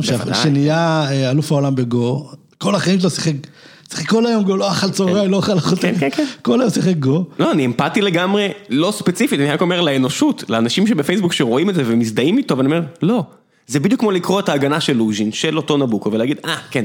כן. לא, לא, לא. אוקיי, אבל הא- האיש הזה ממש outlier, כאילו, אני לא חושב שהרוח האנושית אה, הולכת, אני חושב שרוב האנשים יבינו ש- ש- שברגע שמחשב נותן לך, לוקח ממך את כל ה... את כל החרא, אוקיי, לא יודע, אני בתור מעצב הרבה שנים, היה משהו שהיה צורב לי את הדמויות מהרקע בשנייה, זה היה חוסך לי כל כך הרבה זמן, במקום להתעסק בדבר הזה, הייתי יכול להתעסק בדבר האמיתי, בעניינים ה... שאני רוצה, שהייתי רוצה באמת להתעסק איתם, ואתה מבזבז זמן לשטויות כל היום. אתה- איתי, אז משהו אחר, אז תעשה משהו אחר, זה, זה, זה, זה בדיוק העניין של עיתונות, שעם כל היוהרה שלהם וכמה אנחנו חשובים של זהו, המכונה ניצחה, כל הדברים האלה, זה קרה עם קספרו, והנה עכשיו זה קרה עם ליסנדול, ואיך קוראים לו? לי- אה, לי? ליסדול. כן. ליסדול. וזה, כי הכילו אתכם את הרעיון הזה שיש פה אחד ואפס. המכונה, המכונה רצה מהר מכם. אז מה, בני אדם באופן כללי הם די יצורים נחותים לבד? כן. יש חיות שרצות מהר יותר, יש חיות שעפות, יש חיות שרואות יותר טוב, שומעות יותר טוב. עכשיו יש גם מכונות שחושבות במרכאות, אבל זה רק כי הפועל הזה שאתם מצמידים לו איזושהי משמעות גדולה למחשבה. כן, אבל אתה יודע, שבפעם הראשונה שהמכונה של אה, גוגל התחילה לנצח אנשים, היא לא ניצחה ישר את ליסדול, היה כאילו... כן, סדרה של כן. אה, זה, ואני כתבתי על זה פוסט, ואני הייתי כולי נרעש. אמרתי, הנה הגיע הרגע הזה שכולם אמרו שזה לא יקרה, והנה זה ניצח... אה, ואמרתי, וואו, וכתבתי איזה פוסט, וזה היה כזה... אה, כן, אגבי לגמרי. כן, אבל אמרתי לעצמי, אני בפעם הבאה שאני כותב פוסט כזה, אני חייב להשתמש במילים מטורפות, כדי להעביר את... אה, כדי שאנשים הצטרפו לה, להתרגשות הזאת שאני מתרגש, ואז אני מבין לגמרי את זה שאתה אומר, אני חייב... בוודאי, כן, אני אמפתי לגמרי לתחושה הזאת, אני גם חלק ממנה, שוב, אני רק מבקר גם מהצד לפעמים. כן. אתה יודע, אני עבדתי כמה שנים בפרומו שלי, במחלקת הפרומו של אה, קשת, וכל שנה היה אה, כוכב נולד, וכל שנה היה צריך כאילו קצת להעלות את רף להעלות את הגירוי. הרף, בטח. כן, עכשיו כל גמר הוא גמר, הגמר הגדול, אבל אתה רוצה גם להביא אנשים לחצי גמר. עכשיו נגיד, לגמר הגדול היה מקובל שאנחנו שמים אה, זיקוקים, בפרומים של הגמר הגדול יש זיקוקים מתפוצצים. ואז אה, בא הבמאי של הפרומו ואמר לי, בוא נשים זיקוקים בחצי גמר. אמרתי לו, לא, הזיקוקים זה לחצי, לגמר הגדול, אתה לא יכול לשים את הזיקוקים פה. אמר, לא, לא, זה החצי הגמר הגדול, זה עכשיו, ואתה דוחף את זה עוד ועוד, אתה שם את הזיקוקים, ואתה שם את ה... אבל זה פחות עובד, אתה יודע, אני מסתכל על זה ואני אומר, אני מבין למה זה עובד נקודתית, כמו שאמרנו עם ה-PMים הזוטרים יחסית, אז כבר לפני אלפיים שנה היה אה, את האח, מקביל לאח הגדול, לכוכב הנולד וכל הדברים האלה, בקולוסיאום. המחיר המושלם, האריה טורף את העבד בסוף, הוא מת. או קרבות שבסוף הבן אדם מת. אתה יודע מה עדיף? עונת NBA שבה לברון ג'יימס עושה את זה בפעם ה-17, ומה שמרגש אותנו זה הסיפור שלו. כן. וזה הרבה יותר חזק, אני יכול למכור הרבה יותר מרצ'נדייז על לברון שעושה את זה בפעם ה-17, לא בהכי גדול, אלא בחלק מסיפור נמתח, ארוך, עשיר, שיש לי איך להתעמק בו ול- ולעשות עליו פודקאסטים של ספורט עם כל האלה של דסקל פה מאחורינו שקיבל פרסים, ושנה אחרי שנה לחזור לזה, ואין הכי גדול. זה עוד גדול, זה עוד יפה.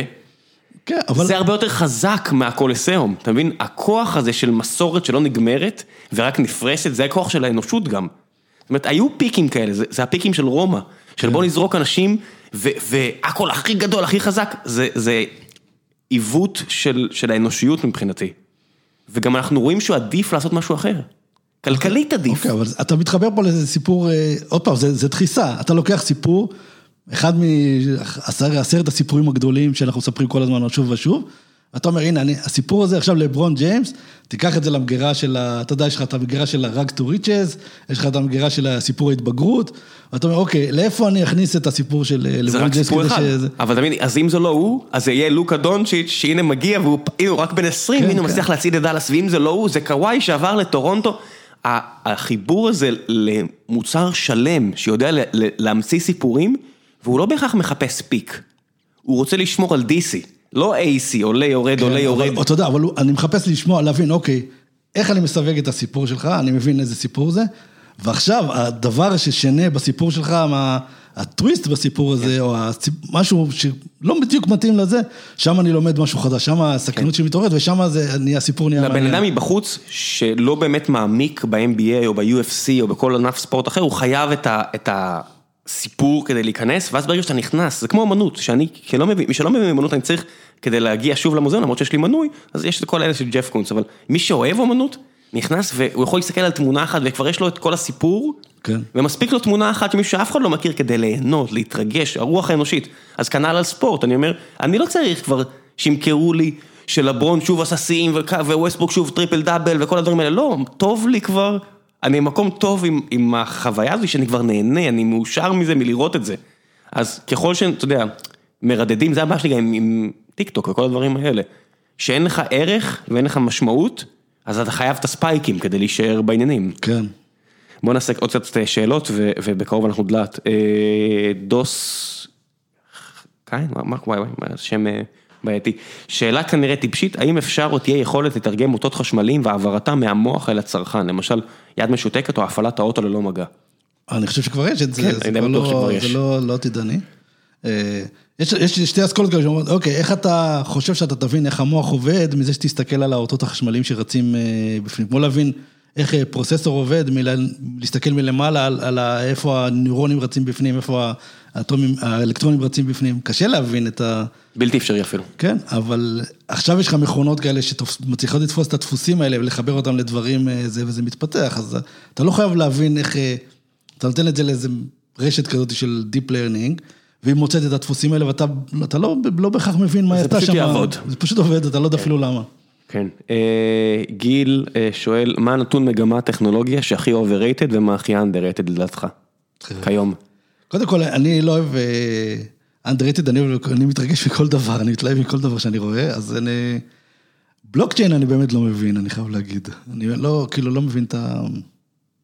לא, שלא יכעסו עליי, אני לא, לא, לא, אני- אני אני- לא מבין, באמת לא מבין מה.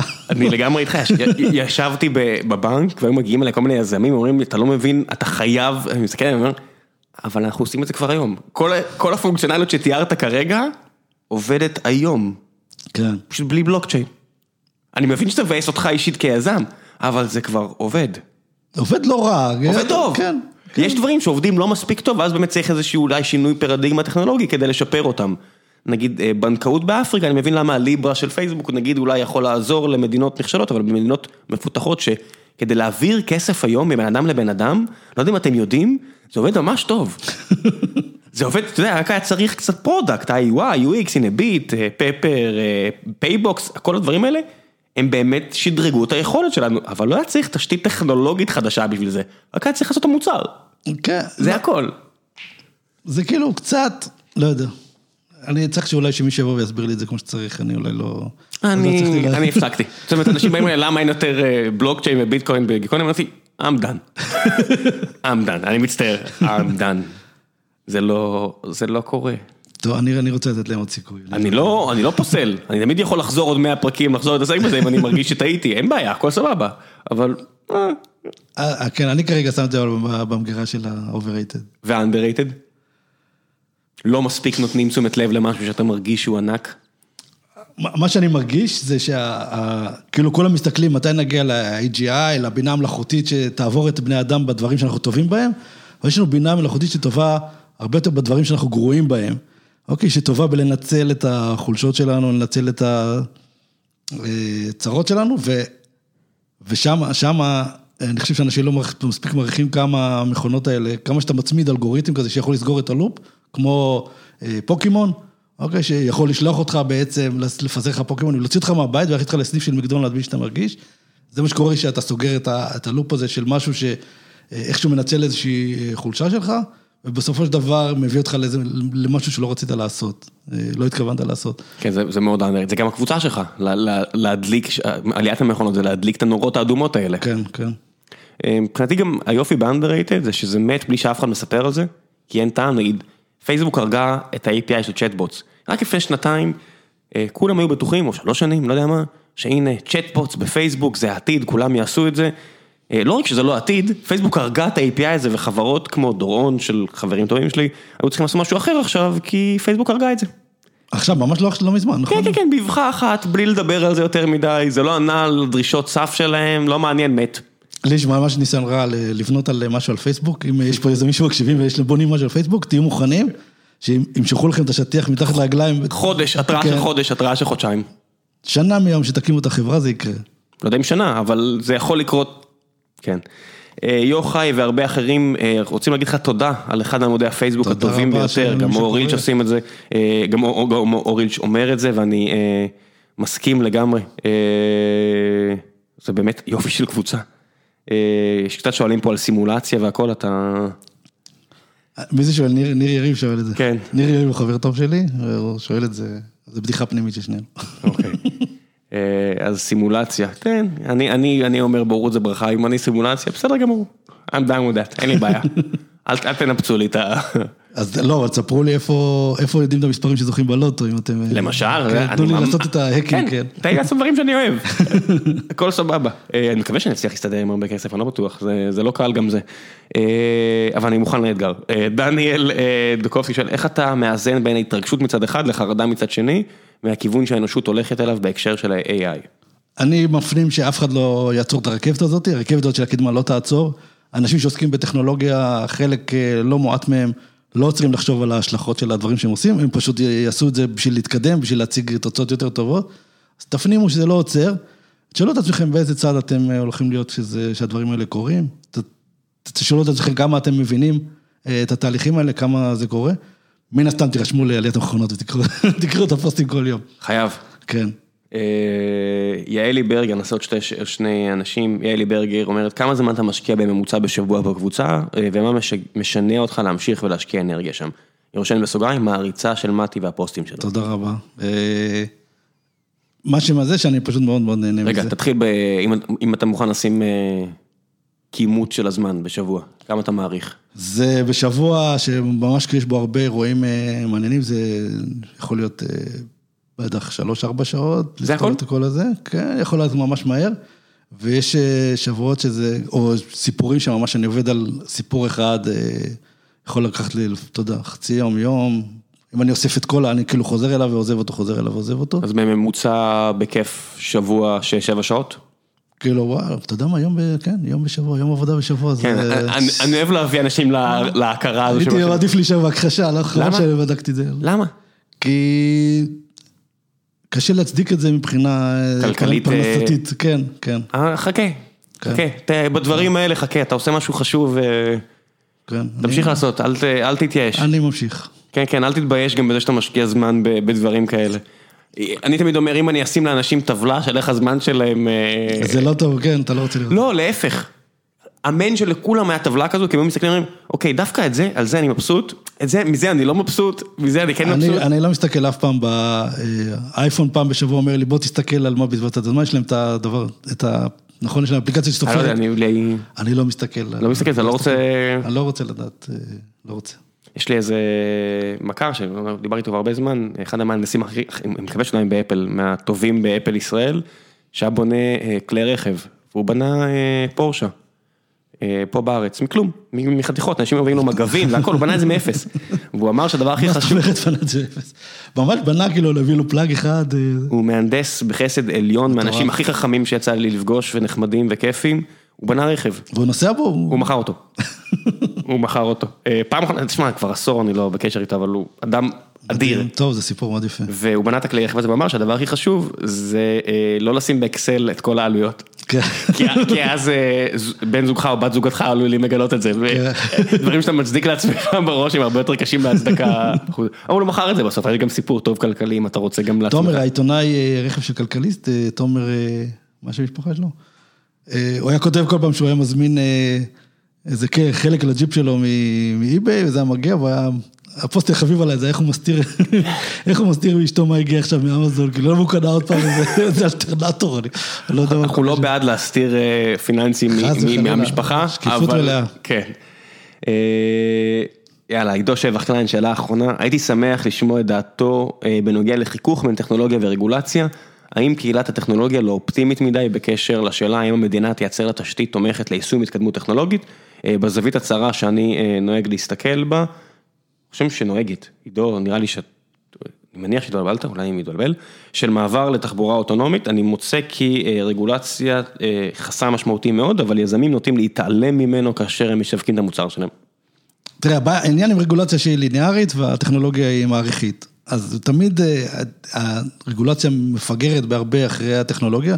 גם הרבה פעמים הרגולטורים לא בכלל מבינים מה, מה עומד מולם, כאילו לא נדיר לראות שופט בבית משפט. שלא מבין בכלל- 99.9 אחוז, לא, לא הרבה פעמים, זה הרוב המוחלט של המקרים. כן, אתה בא לב- לבית משפט, שופט צריך לפסוק על משהו שהיה בפייסבוק בלי שהוא יודע בכלל מה זה, מה זה פייסבוק, הוא עדיין כותב הכל בנייר, ביומן בנייר.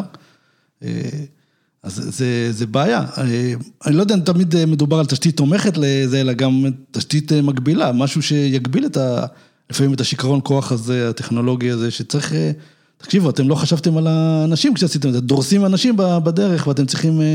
אתם זזים מהר ושוברים דברים, אתם שוברים אנשים. כן. חשבתי על זה פה, יש את הקניון פה של TLV מול, פה ליד המשרדים.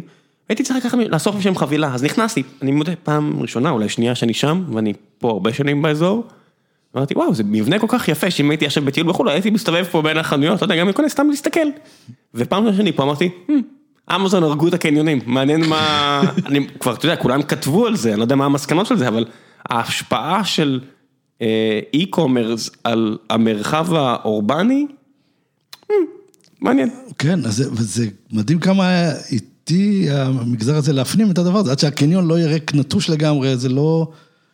החונות היא עכשיו שואו-רום של המותג, היא כבר לא מקום שאתה בא לקנות, אתה בא למדוד, לראות עם, אה, מה המידה האמיתית שלך, כדי שאני אוכל להזמין בלי חשש מ... ל- לגמרי, אני לא יודע, אולי- צריך קורונה כדי לאפס את הזמני המשלוח, אבל שזמני המשלוח הם כאלה, סליחה, הקורונה עוד יותר תרוקן את ה... אני לא יודע, זה- ואמזון גם מסבסדים את המשלוח בהרבה מקרים, לארץ, כן, לא מדינה שאמזון עובד בטוב כמו בארצות הברית, אני אומר, למה שאני... ודאי, וואי, מישהו אמר לי השבוע שעבר, שכל החנויות של אמזון, חנויות ריטל של אמזון הפיזיות, כל הרעיון שלהם זה להביא אנשים למקום אחד, כדי שאפשר לתת להם את החבילות שם ולא לשלוח את זה אליהם לדלת. ה- כן, יוכלו, אתה בא כבר, באת לחנות, תאסוף גם את החבילה שלך פה, ואז אני לא צריך לשלוח לך את זה לדלת, חסכתי המון כסף. אתה יודע מתי זה קרה לי? עם אה, פארמה, מוצרי אה, סופר פארם. אז אני מתגלח הרבה מן הסתם, אני מגלח את הראש כל הזמן, אז אני מוציא כסף על סכינים ועל קצף. אמרתי, טוב, בוא נזמין את זה מאמזון, כי זה יותר זול. ואז מצאתי את עצמי שאספתי חבילה עם סכיני גילוח. לא זוכר אפילו, כי הוא אפילו לא השאיר לי את זה לבית, אז קפצתי לסניף להביא את זה, או שלא יודע מה. אמרתי, כמה אנרגיה ולכלוך בוזבז פה כדי שאני אחסוך ארבעה שקלים. יש פה את הקופסת קרטון הזו, וזה עבר אה, כנראה בצורה פחות יעילה מאשר מישהו אחר. זאת אומרת, כדור הארץ לא מבסוט על הדבר הזה, אני לא בטוח. לא. אני מרגיש שמשהו פה קרה ואני חלק ממנו ואני לא בטוח שאני נהנה ממנו. ומאז הפסקתי לעשות את זה, ואני חושב שמתעקש לקנות רק במבצעים בסופר פארם. זאת אומרת, אם אתה קונה רק במבצעים בסופר פארם, ישראל לא כזו יקרה. אנשים כן. תמיד משווים את המחירים בסופר פארם פה לאירופה, כי הם קונים במחיר המלא. תמיד יש מבצע על כן, משהו. אחרי שאתה קונה, מתחיל, עובר למוד שאתה קונה את המבצעים בסופר פארם, אתה כל כך מתרגז על המחירים של הלא מבצעים, וואו. שאתה מפסיק, לא יכול יותר. לא אתה לא מסוגל. יכול להצליח לקנות יותר את המחירים האלה. אני לא מסוגל יותר לשלם מחיר מלא על אה, מוצר בסופר פארם. זאת אומרת, אין לי בעיה גם אם אני רואה שמשהו במבצע, אני קונה אותו, כי אין לי בעיה לאחסן אותו, כי זה לא מתקלקל. זאת אומרת, יש לי כנראה 30 להבים של, של גילוח עכשיו מחכים לי באיזשהו ארון, כי הם היו במבצע, וזה 50 אחוז, זה מבצעים של, אתה יודע, יש את המדבקה האדומה של סופר פארם, אני לא מצליח להבין מי קונה במחיר מלא יותר היום. אני, אם אני, אם אני מגיע למצב שאני חייב עכשיו משהו, והלכתי בגלל שסופר פארם קרוב, הלכתי וקניתי שם במחיר הרגיל, אני ממש מרגיש שהפסדתי למערכת. שממש כן. הפסדתי פה, אני ממש הרגשה קשה. אם, אם, אם מישהו היה שם לי מספר מול העיניים של כמה זמן לפני שהתעוררתי, כמה הוצאתי כסף על דברים שאם הייתי טיפה... עזוב, עשינו עכשיו, אה, הנה נסה עם זה, לקח לעצמי. אה, אשתי אמרה בוא, נשנה את החבילת טלוויזיה, עשינו איזה שהייתה אה, בהיריון לפני לא יודע מה כמה שנים, והיא רצ- רצתה יס אחרי כל השנים שלא היה לי אף פעם יס או עוד דברים כאלה, אז עשינו כדי שיהיה לה, שאתה יודע, שהיא מניקה וכל מיני כאלה, שיהיה משהו מולה. ואמרנו טוב נבטל את זה, אנחנו לא באמת צור- צורכים טלוויזיה והכל, נעבור לסלקום TV. תשמעי, 200 שקל עם החבילת ספורט שלי והכל, עברנו לסלקום TV, עוד לפני שהשליח הגיע, יס מתקשרים, אומרים, לא, לא, לא, לא, עזוב- עזוב 200 שקל, בוא תעשה את זה ב-60 שקל. מה, מה ששילמתי עליו 200, עכשיו אתה מציע לי ב-60? זה מרגיז, למה לא הוצאת לי את זה קודם? ואז היא אמרה, כן, כן, אבל זה רק לארבעה חודשים, אמרתי, אוקיי, ואז הבחור בסלקום אמר לי, אני מבין, אני מבטל מיד, הכל סבבה, הכל בסדר, הרגולטור כבר עזר מאוד בדברים האלה, הוא אומר, אבל תדע שזה רק לכמה חודשים, אמרתי, כן, אמרתי לו, תגיד, אכפת לך לסמן, להתקשר אליי עוד שלושה חודשים, עוד, עוד שלושה חודשים ונגיד 25 ימים, הוא אמר, כן, אני אשמח, אמרתי, יופי. אנחנו נעשה את אותו דבר שוב, עוד שלושה חודשים רואה, ו-25 ימים. רובין הוד נותנים לך לסחור במניות בלי עמלה, ופתאום עוד חברות עוברות לזה. בדיוק. למה לא עשיתם את זה קודם? כוס אמא שלכם 100 שנה אתם לקחתם מיליארדים בעמלות, למה לא עשיתם את זה עד עכשיו? וזה מה שאני אומר על, ה... על העברת כסף והביטקוין. אני מסכים שהייתה בעיה, אני לא בטוח שמה שצריך זה שינוי פרדיגמה של כל הכלכלה כדי לפתור את הבעיה. יש דרכים פשוטות יותר לפתור את הבעיה הזאת, כמו מתחרים על התשתית הקיימת. כן, כן, אבל תשמע, הוא כל כך קשה להתחרות, אז אתה אומר, אוקיי, בוא אני. אחתור מה... זה מאוד רומנטי להגיד, בוא נחתור, בוא אבל הנה, זה מגיע מהצד מהחברות. אז אם הבעיה שלכם זה שאין מספיק תחרות, בסדר, בשביל איזשהו עיקרון כלכלי. אם הבעיה האמיתית שלכם זה שלא יכולתם להעביר כסף בלי עמלות ושזה יהיה מיידי, הנה זה נפתר. בסדר, אבל זה הרבה יותר מגניב לעשות את זה עם אה, ביטקוין וזה מאשר לפתור את אתכם, זה. אני לא יודע, אותי- מגניב שדברים עובדים, אני לא מצליח, אני לא רוצה להתעסק עם דברים, אני לא... אותי מגניב שהדברים עובדים והם בלי עמלות ואני משלם פחות, זה מה שמגניב אותי. כל השאר זה פיקינטריה. יאללה, בן אדם, תודה רבה רבה רבה תודה רבה רבה, שבאת. בוקר טוב, תירשמו לעליית מכונות אם אתם עדיין לא... חייב עכשיו, אה, עזבו את כל מה שאתם עושים, באמת. מה המטרה שלך ל-2020? 30 אלף? מכוניות מעופפות, כולם, מכונית אותי. מעופפת לכל חבר בעליית 2020, מכונות. אה, כמה המטרה האמיתית? 30 אלף? לא, תשמע, זה, זה עולה ליניארית, אני יכול לחשב לך כמה אני אהיה בסוף 2020, זה לא... אה, הנה, אולי עכשיו יהיה עוד קפיצה. מקסימום אלף אנשים. אני לא- אני, אז אני רוצה, אני שם 150 אלף, אני רוצה 50 אלף. אתה ב-20 ומשהו. כן, אני רוצה, מה אכפת לך. לא, כי אני רוצה מטרה ריאלית. 50 אלף זה ריאלי? אני לא יודע, אני סתם אה, שם מספר. זה מעניין אותי כי אה, אני מת על גרפים אקראיים גדולים, מה שנקרא ארדו שרייני, ואתה רואה למשל נגיד היסטוריה גדולה בקטנה, או נגיד יש לנו את הדף של ציון שלוש או כל מיני כאלה, שיש זינוק, זה נגיד ציון שלוש הגיע ל-40 אלף לייקים, וזה נעצר לגמרי, זאת אומרת זה 40, 41 אלף, 40 אלף על שנתיים. אני, אני גם מרגיש שבפייסבוק יש מספרי קסם, שאני אני, כאילו הרגשה שלי, אני לא יודע אם זה נכון, יכול כנראה שזה לא נכון, כנראה שלא. אבל שיש שם אה, מספר שברגע שאתה מגיע, נגיד, אה, אני יכול לראות בגרף שכשהגעתי ל-2000, הגרף אה, שינה את השיפוע שלו, ואז אולי בעוד מספר ראיתי איזה שינוי, באיזשהו מספר עגול כזה, שאמרתי לעצמי, אוקיי, יכול להיות שמישהו, פלאג נאמבר כזה שמישהו הכניס, שברגע שזה 2,000, השיטת הפצה כאילו לא, עוברת יש- לאיזה משהו אחר. אוקיי, מצטער, אני מנסח את עצמי מחדש, אם אתם, אז- אם אתם עובדים בפייסבוק עכשיו, אתם בטח אומרים איזה מטומטם הוא, לא, לא, לא. אני יודע, אנחנו עושים פה את הרעיונות שלנו על בסיס הרעיונות של ה-PMים שם, יש מספרי קסם, אבל... אז אני לוקח בחזרה, אני לא ארחיב, אכן יש מספרי קסם, זאת אומרת, יש שאלה קלאסית של... אה, ברעיונות בפייסבוק, זה מתי אתה אה, רוצה לפרסם משהו בפיד, לעומת אה, להציע לבן אדם לצרף כחבר, אני לא אכנס לפרטים, אני לא רוצה לפגוע להם בתהליך קבלת עובדים, שזה באמת תהליך מפואר והכל, אבל יש מספרי קסם. יש מספרי קסם. כן, אני לא יודע עד כמה זה רחב, האם זה רלוונטי למה אוקיי, שאתה מתאר, אבל יש מספרי קסם, בגלל זה רק תיקנתי את עצמי. אוקיי, זאת הדרך שלי לדחוס את האלגוריתם של כן. זה, להגיד כן. לעצמי, אוקיי, יש מספר שאם אני אגיע אליו, אז אז השיפור של הגרף שלי ישתנה, כי האלגוריתם יפיץ אותי בשיטה אחרת. כנראה שיש. משהו, אני לא יודע, אני רק אומר שאני לוקח בחזרה את זה שביטלתי את הטענה הזאת, כי אני יודע בוודאות בעצם שיש מספרים שהם, שבשלב מסוים האלגוריתם כן משנה משהו. אבל אני החלטתי את זה, ועכשיו שום דבר שתגיד לא ישנה. דעתי. לא, להפך, חיזקתי אותך, אני מפיץ את הפייק ניוז ביחד איתך. אתה יודע שהחבר'ה שנלחמים בפייק ניוז, מצחיק, אני רואה בדה מרקר, פי- פייסבוק לא נלחמת בפייק ניוז, ואם אני לא טועה, לפחות יש שני ישראלים, אני לא אציין את השמות כדי לא להפיל עליהם אה, עכשיו אנשים, אבל יש שני ישראלים שמעורבים בדיוק בהובלה של המאמץ הזה של פייסבוק. לעניות דעתי אולי אפילו אחד מהם שומע עכשיו את הפרק, אחד מהשניים האלה, והם שני אנשים תותחי על, שאני, לפחות אחד מהם אני מכיר ומאוד אוהב.